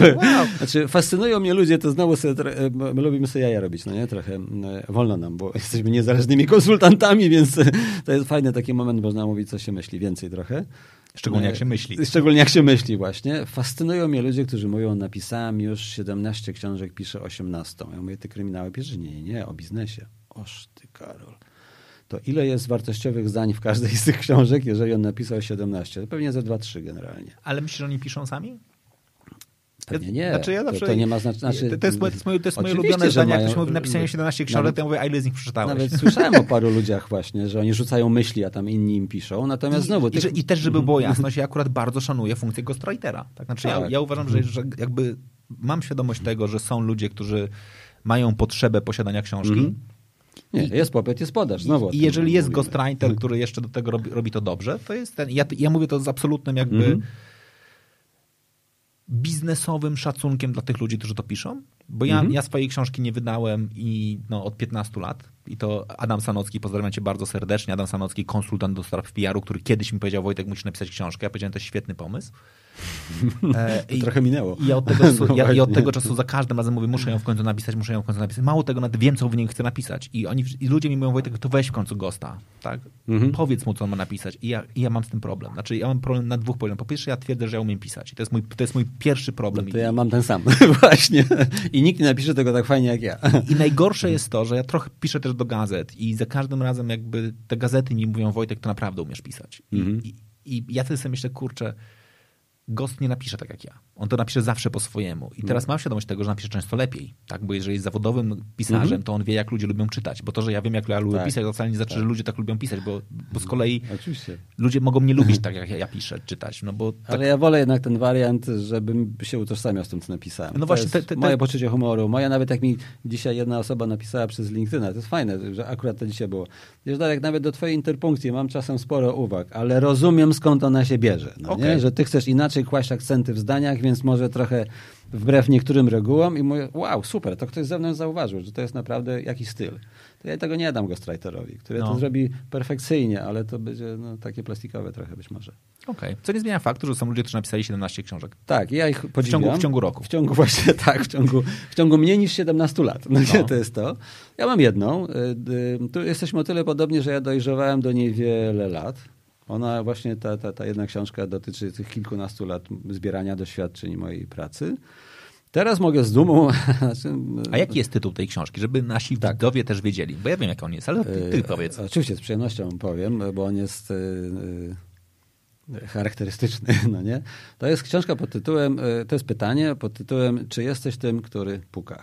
I to nie jest poradnik dla listonosza. Y, No nie, to, to listonosz, żeby jeszcze ludziom listonosz przechodził do głowy. Często jak mówię właśnie, czy jesteś tym, który puka, to ludziom inne rzeczy do głowy przychodzą Nie, ja i się tylko- pytają, czy to stoi na półce obok Wisłockiej. Ja mówię, nie, akurat nie, na akurat, innej półce ak- akurat stoi. nie, ale wiadomo, że listonosz puka dwa razy. Więc... tak, to jest, to jest ten drugi element komentarzy, że zawsze ktoś napisze o tym listonoszu, że dwa razy puka. To jest Tak spoko. Dzięki temu, że mam siwą brodę, to już nie traktuję tego ambicjonalnie, że tylko na spokojnie, śmiejemy się razem, jest fajnie, bekę sobie robimy i tak dalej. Natomiast tytuł nie jest przypadkowy. O czym jest ta książka? E, Książka jest, e, książka ma dwie części. Pierwsza część jest o autorefleksji, no, głównie menedżerskiej, czyli ludzi, już które trochę lat przeżyli i mają jakieś doświadczenia zawodowe. I ta autorefleksja w dwóch obszarach. Obszar y, czysto osobowościowy, czyli analizy swoich preferowanych zachowań i znajdywania powtarzalności w swoich zachowaniach, po to, żeby rozumieć siebie i co się ze mną dzieje. A większość ludzi ma słabe pojęcie jednak na, na ten temat. Yy, Druga część autorefleksji to jest czysto zawodowa. Ludzie myślą, że rozumieją swój dotychczasowy przebieg kariery i potrafią o tym powiedzieć. W większości słabo rozumieją to, co się wydarzyło, a jeszcze słabiej potrafią to opowiedzieć. I na tej bazie tych dwóch obszarów autorefleksji jest druga część książki, jak na tej bazie zbudować strategię właśnie swojego e, e, rozwoju. I, I o to- tym jest książka. I to jest dobry moment, żebyśmy postawili kropkę. Ja wszystkich odsyłam do tego, żebyście poszukali tej książki. Gdzie ją można dostać? Warto, warto. E, Sprzedawana jest tylko i wyłącznie przez internet, nie przeze mnie, tylko przez wydawnictwo, bo ja miałem też... A nie o, chciałeś robić self-publishingu? e, ja jeszcze wtedy nie wiedziałem, że coś takiego istnieje za Okej. bardzo, więc e, przy drugiej książce już się zastanawiam, bo już mam pomysł na drugą, o, Okej. tak powiem, i nawet trochę materiałów. Natomiast właśnie ja uważam, że miałem to szczęście, że ja myślałem o książce, ale pewnie bym jej do dzisiaj nie miał. Przed wydawca. Przyszedł wydawca i powiedział, panie Darku, to jest ten moment, w którym my uważamy, że z tych pana artykułów da się już coś fajnego zrobić. I oni mnie zmobilizowali i jestem im za to bardzo wdzięczny, żeby w pół roku dopisać brakującą resztę materiału, złożyć to w logiczną całość i wydać książkę. I ta książka mi się bardzo przydaje, to jeszcze tak powiem. Nie dlatego, że ja na niej zarabiam, bo to są tak śmieszne pieniądze, tu nie ma czym gadać.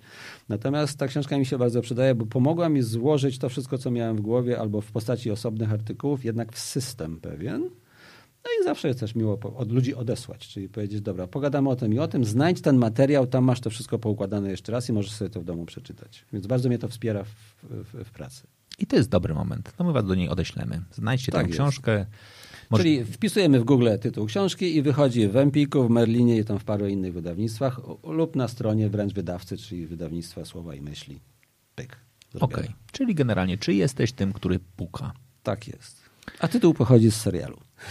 Jakiego? A widzisz, e, najsłynniejszego i mojego też ukochanego, który bardzo lubię, Breaking Bad. A. To jest e, tytuł, nawiązuje do najsłynniejszej sceny tego serialu. Jak się wrzuci topowe cytaty Breaking Bad, to ta scena zawsze wyjdzie na miejscu numer jeden. Tak? Tak. I to jest dobry moment, żebyście też poszukali sobie. Tak jest. Niech sobie przeczytają wstęp i poszukają właśnie.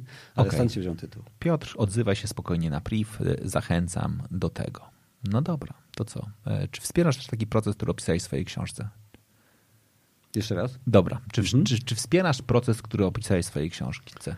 E, tak, właśnie po to też jest ta książka, żeby no, mnie wspierała w procesie wspierania innych ludzi. Czyli raz, że mogę ludzi dostać do książki, a dwa, że tak, istotnym elementem mojej pracy jeden na jeden z wieloma menedżerami to jest właśnie pomóc im w procesie autorefleksji, pokazać im, jak to samemu później robić, bo ja kocham usamodzielniać ludzi.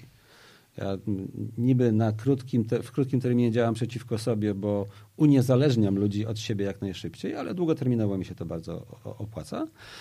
Eee, więc wspieram też ich jeden na jeden w tym procesie autorefleksji, a później jak to powiedzieć światu, czyli właśnie jak zbudować networking, eee, jak wdrożyć to w życie. To jest bardzo ważne. Tak jak mówiliśmy, mówca motywacyjny jest tu, a życie jest tu. To ja to doprowadzam do samego dołu. Dobra, jutro dziewiąta rano, co robisz w obszarze rekruterzy, w obszarze firmy docelowe, w obszarze rodzina i tak dalej. Tylko, że to on oczywiście sobie wymyśli, co robi, a mu tylko pokazuje, jak to wymyśleć. Czyli niestety mnie trochę przekonałeś, nie skończymy tej rozmowy jeszcze. Ja bym chciał, żebyście, żebyście zostali z nami, a ja bym chciał wrócić do tego coachingu, ale ja niestety wypiłem dużo wody, więc potrzebuję krótką przerwę techniczną, puszczę wam muzykę i wrócimy do tej rozmowy. Plansza, muzyka i ja wracam. Dobra.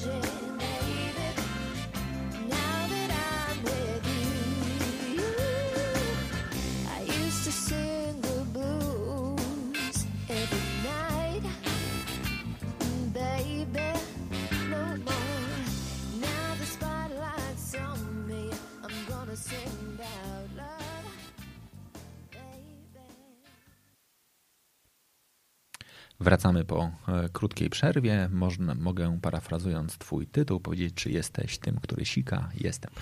E, dobra. Już, już po. Ju, ju, już po. Poszło mi szybko. Pamiętajcie, e, moje wąsy symbolizują oczywiście też akcję Movember, w związku z czym panowie dbajmy i badajmy się profilaktycznie, jeśli chodzi o raka jąder i prostaty.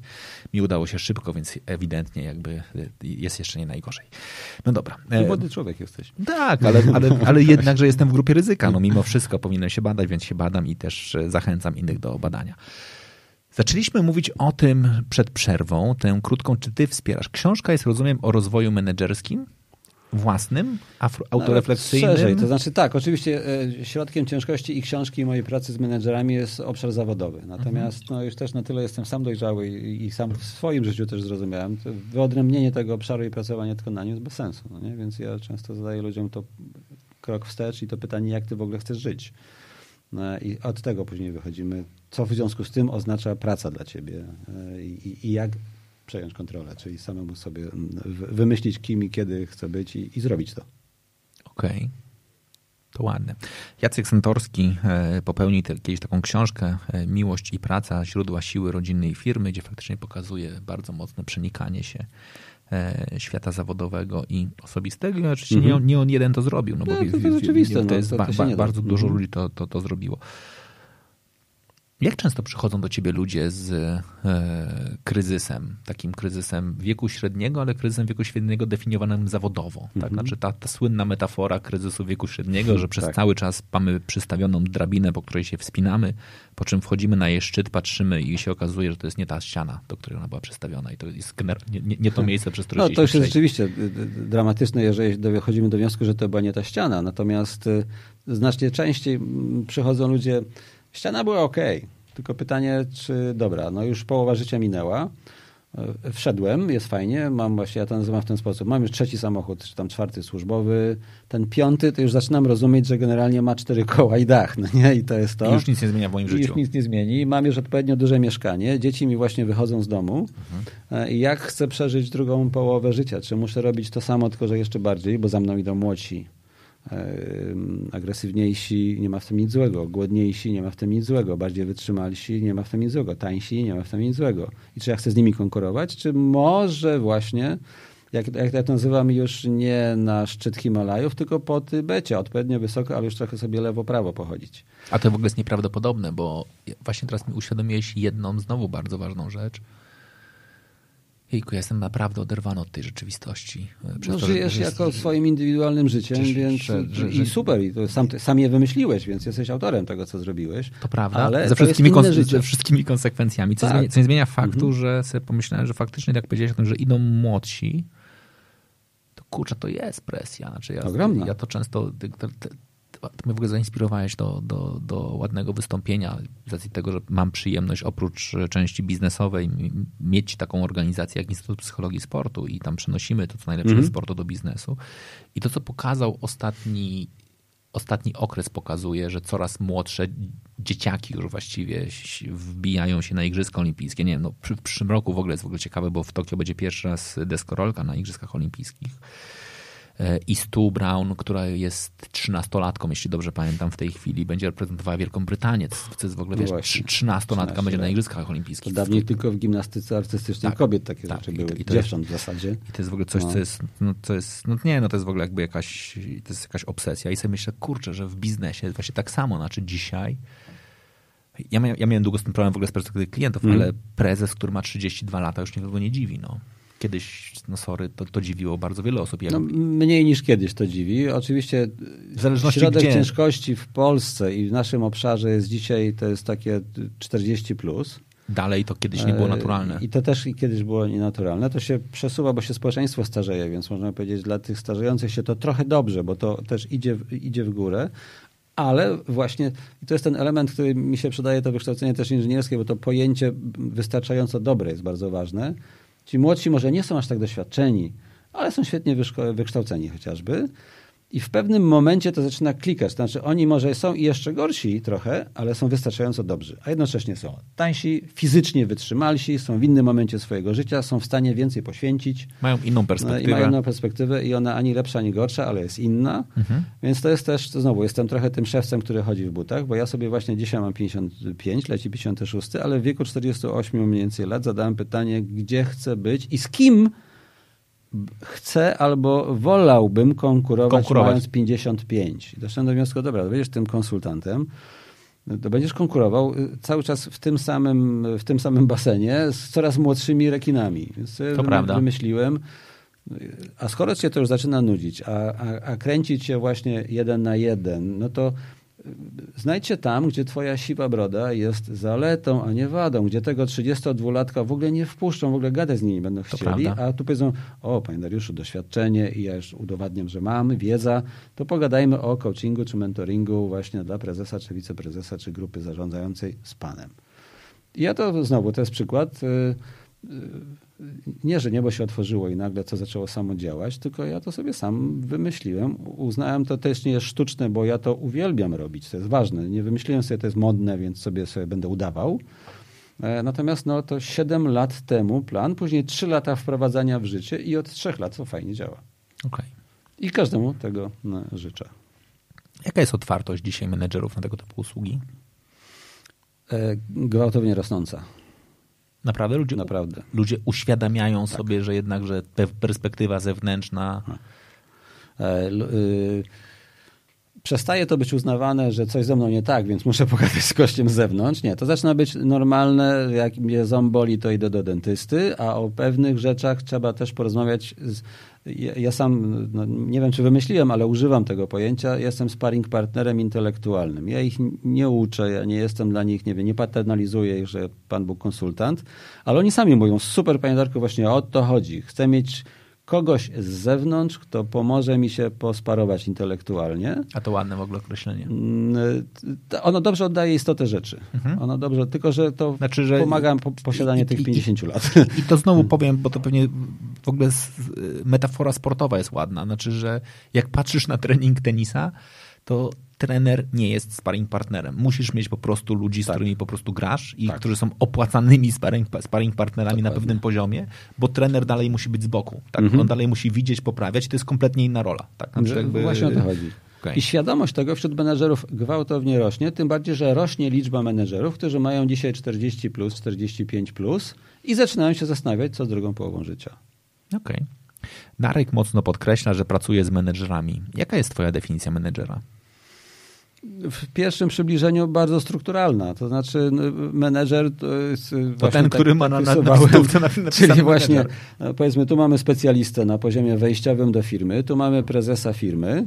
To niezależnie od tego jaka jest duża firma, to te moje poziomy, na których najchętniej i najczęściej pracuję, to jest właśnie prezes, N-1, jak to się mówi w nomenklaturze biznesowej, czyli ci, którzy raportują do prezesa, jeżeli organizacja jest bardzo duża, to również N-2, bo to też są ludzie, którzy czasem zarządzają dziesiątkami lub setkami ludzi. No nie, no jak, jak I to się kończy. spojrzymy sobie na bank, no to faktycznie ludzi, którzy raportują do członków zarządu, no to oni pod sobą mają, mają duże, bardzo, duże, bardzo duże, duże struktury. No. Więc czasem to N-2 jest więcej zarządza niż prezes w innej mniejszej firmie. Ale znowu, od strony struktury prezes, ci, którzy raportują do niego, do niej, jeżeli to jest kobieta y, i czasem jak duża struktura to N-2. To, to jest, to ja, ja pracuję na tym poziomie. Chciałbym zresztą pracować na tym poziomie, bo znowu tam dostarczam największą wartość. Jako siwa broda właśnie. Okay. A ciebie bardziej kręci to zarządzanie strategiczne czy operacyjne? Strategiczne. Zdecydowanie. Wiesz, im jestem starszy, tym bardziej mi kręci strategiczne. W operacyjnym wyżywałem się też sam osobiście, mhm. mając te 40 małe lat, kiedy przez te około 10 lat byłem dyrektorem zarządzającym w dwóch firmach konsultingowych. To był fantastyczny okres. Zajechałem się do bólu. Karetka mnie nawet kiedyś wywiozła do, do, do szpitala i trzy tygodnie. Sam się zajechałem, żeby nie było. Nie, nie zgrywam choraka, debil. Znaczy, no debil, no. Yy, sam się doprowadziłem do tego stanu. Nikt mnie nie, nie kazał. E, natomiast wyżywałem się i to był fantastyczny okres, fajny na lata 40 mojego życia i sam doszedłem w pewnym momencie do wniosku, dobra, byłem 10 lat tym dyrektorem zarządzającym, wystarczy. Udowodniłem sobie i światu, że coś tam umiałem, udało się, nie chcę więcej, po co? Hmm, więc dzisiaj właśnie z pozycji konsultanta zewnętrznego ba bardziej strategia, zdecydowanie. Okej, okay, no dobra. Ty też, oprócz tego, że sobie deworujesz e, z pewnych e, określeń e, definiujących pewne zjawiska, nie tak dawno opublikowałeś na LinkedInie taką lekką bekę z korpomowy. Tak. Pod romantycznym tytułem, czy charge'ować followersa za deadline'y, no nie, czy tam przed deadline'em. No. Tak, bo to mm, ludziom się zaczyna mieszać. I znaczy, pomogła mi ostatnio taka dosyć moja intensywna dyskusja z jedną osobą w LinkedInie. Ona pomogła mi sobie samemu ustrukturyzować właśnie, gdzie tkwi problem. I duży problem na przykład tkwi w tym, że ludzie mówią i sami siebie tłumaczą, że my mówimy żargonem zawodowym. To jest guzik, prawda? Bo żargonem zawodowym jest na przykład to, jak ja sam napisałem też w tym artykule, że nie, mówi się, że ja, ja będąc we, we wojsku, to służyłem w deklach. I większość ludzi nie ma pojęcia, o czym ja mówię. To jest żargon zawodowy, co oznacza, że to jest słownictwo charakterystyczne tylko dla tej grupy i tylko ona to rozumie. Okay. A stwierdzenie followers o kimś to nie jest żaden żargon zawodowy, tylko to jest zwulgaryzowanie angielskiego na polski. Każdy, kto zna język angielski, zrozumie o co chodzi. Może się zdziwić, co to jest za cholebny wyraz, ale to nie ma nic wspólnego z żargonem. Okej, okay, czyli więc korpomowa to jest zwykle bełkot. Kalka. To jest kalka. Bełkot. Ja to nazywam wręcz, nie, nie boję się znowu użyć słowa właśnie kalka, bełk, ale bełkot bardziej oddaje istotę, albo y, mówiąc troszeczkę delikatniej, delikatniej niechlujstwo językowe. Ale myślisz, że jakby u podstaw tego jest uproszczenie, czy budowanie jednakże pozycji? I to, i to.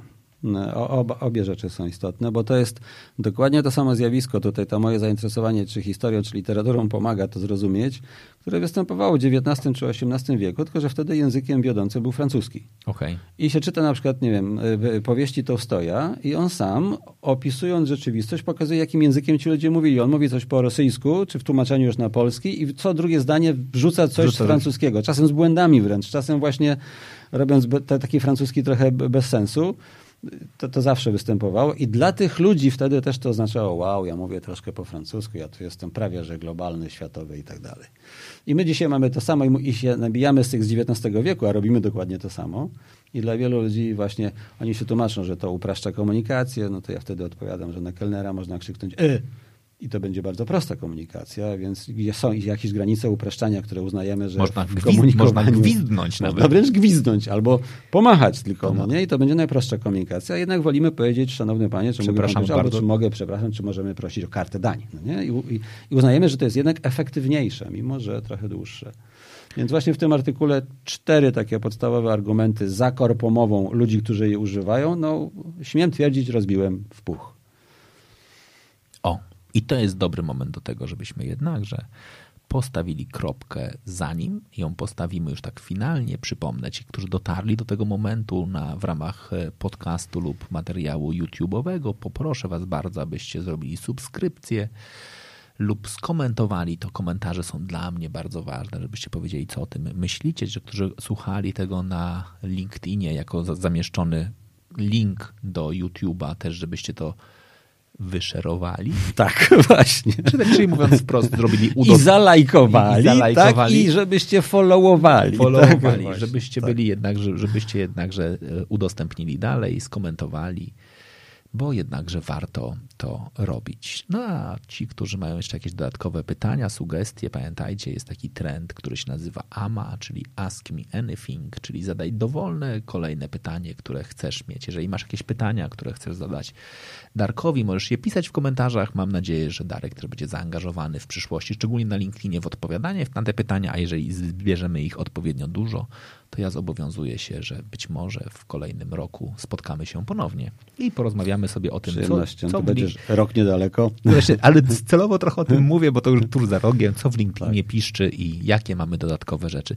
Dziękuję ci bardzo. Poznałem, Dziękuję bardzo. Znałem cię, to mogę się przyznać, bo często ludzie mnie pytają, czy ty znasz tych wszystkich gości. No to Darka znałem tylko z internetu.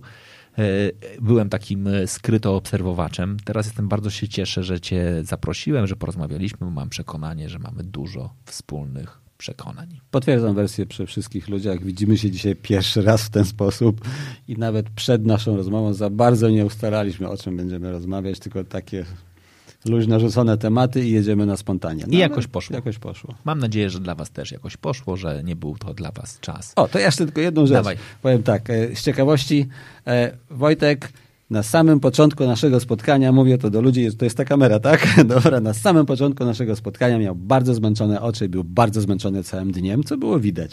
Kończymy spotkanie, Wojtkowi się oczy błyszczą. Jest. Zro, to jest to. Zrobiłeś to dobrze, a to ja mam napisane w swoim profilu e, na LinkedInie, że jestem mówcą motywacyjnym. I jestem. Oż ty, Karol. Naprawdę? Tak, ale, co, ale, ale, ale, ale to, to, to, wiesz, to akurat wynika z innej rzeczy, bo ja jestem jednym z tych, którzy to, bo to mogę trochę powiedzieć trochę większą historię.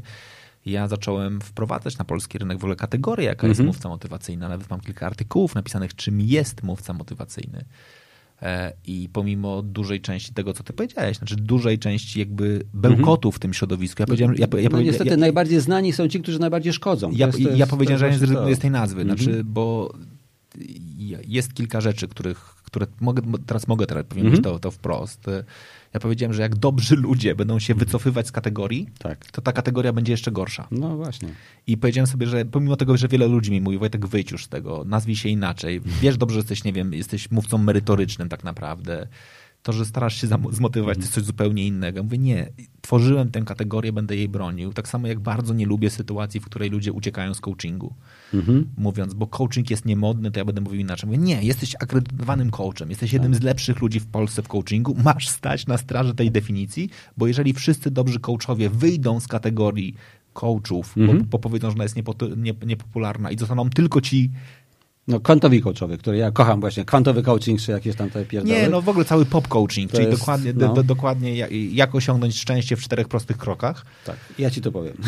I, i ja ci to powiem, a tak naprawdę też tego nie powiem, ale ci, jak, jak się zalogujesz, to, to dostaniesz mm. artykuł, w którym jest to napisane tak. za 2,79 plus VAT, y, no to, to, to, to, to, to, to nigdy się ta kategoria nie oczyści. Tak? Znaczy ja mam takie przekonanie, że dobrzy ludzie muszą zostać.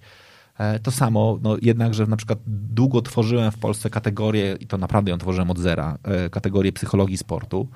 e, od zera w rozumieniu medialnie od zera. Tak? Znaczy jak pochodziłem do pierwszy, jak tworzyliśmy Instytut Psychologii Sportu, magazyn Psychologia Sportu, portal Psychologia Sportu i chodziliśmy do pierwszej prasy, to ludzie się pukali w głowę i mówili bez sensu. Tak? Jakby w ogóle nie róbcie tego, to w ogóle wam zaszkodzi. I jak kilku dobrych psychologów, których znałem, zaczęli uciekać i oni się nazywali, zaczynali nazywać trenerami mentalnymi. Ja mówię, nie róbcie tego, zo- zostawcie, nie idźcie w kategorię, która za chwilę będzie kategorią pustą. No i oni uciekli, no i dzisiaj pewnie jest tak, że, że no, to jest. Przepraszam, bo użyłeś kolejnego pojęcia, które mogłoby być tematem osobnej rozmowy. co, trener tre- mentalny. Trener mentalny. Mówię, ale po co? Mówię No. dokładnie, że i, i, to, i to jest coś, co... No. I, I oczywiście, to, bo to jest trochę tak, że w pierwszej chwili się to łatwiej sprzedaje, Tak. Bo nie jest ob- obarczony czymkolwiek, a później niestety już jest bardzo, e, bardzo trudne. To tylko jedno zdanie jeszcze, skoro sam wywołałeś też kwestię coachingu, że ludzie uciekają na przykład. Ja z kolei mam no, pewne mm, pretensje do mojego środowiska też coachingowego, że milczy. To prawda. E, Że nawet nie uciekając, ale milczą. Znaczy, mi, I to mam pretensje. tak. Ja uważam, że nie powinniśmy milczeć. Ja nie mam żadnych akredytacji, żeby była jasność coachingowej, więc mnie też wolno więcej mówić, można na tej zasadzie. E, może. Natomiast e, no, mam pretensje do fantastycznych ludzi, którzy się na tym znają i oni wychodzą z założenia, że lepiej jest milczeć, co na końcu sprawia, że pojęciu ludzi na zewnątrz są w tym samym worku, co kwantowy coaching, coaching skóry czy coaching czegokolwiek. Wstaw dowolne określenie po słowie coaching i jesteś Diet kimś. coach. Diet coach. No właśnie. E, albo ja dzisiaj, ja wiem, ja, ja będę WK coachem w Błękitnym Oceanie. E, organizacji turkusowych. I jeszcze z, z rozwinięciem tego Z, roz, z, skrótu. z, roz, rozwinięciem Hera. Tak. o, dodam sobie Wojciech, bo Wojciech jest C dwa razy, nawet to będzie coach the coach jeszcze do tego wszystkiego, ale będę ten. O, coach do coach. Dobrze brzmi. J będzie od Joy, więc jeszcze będę pokazywał, że trzeba mi się cieszyć życiem, ale ja, ja, ja zrobię z tego swojego nazwiska dobry, e, dobry ja akronim. z tym, bo moje nazwisko do kitu jest pod tym względem, ale coś się wymyśli. Mię, międzynarodowo go nie rozwiniesz, no ale no, spoko na pewno. Jeżeli widzowie macie taką ochotę, ja na przykład oddaję swoje nazwisko do, do dyspozycji. Możecie sobie w komentarzach rozwijać akronim HERA w dowolny sposób. Najciekawsze zostaną nagrodzone na przykład książką twoją. O, to jest dobry pomysł. O, dobra. Nie umawialiśmy się, wymusił to na mnie, ale dobra. Nie, ma Nie, znaczy ją kupię. Ja, po prostu ją, ku- ja ją kupię. z przyjemnością. Ku, kupię, tę, A, ksią- kupi- tę, kupię tę książkę do, dla, dla, Proszę dla pisać. Potrzeb, te, dla, potrzeb tego, dla, to, dla potrzeb tego konkursu. No dobra, dziękuję wam bardzo serdecznie, było mi Dziękuję bardzo jeszcze miło. raz. Dzięki bardzo.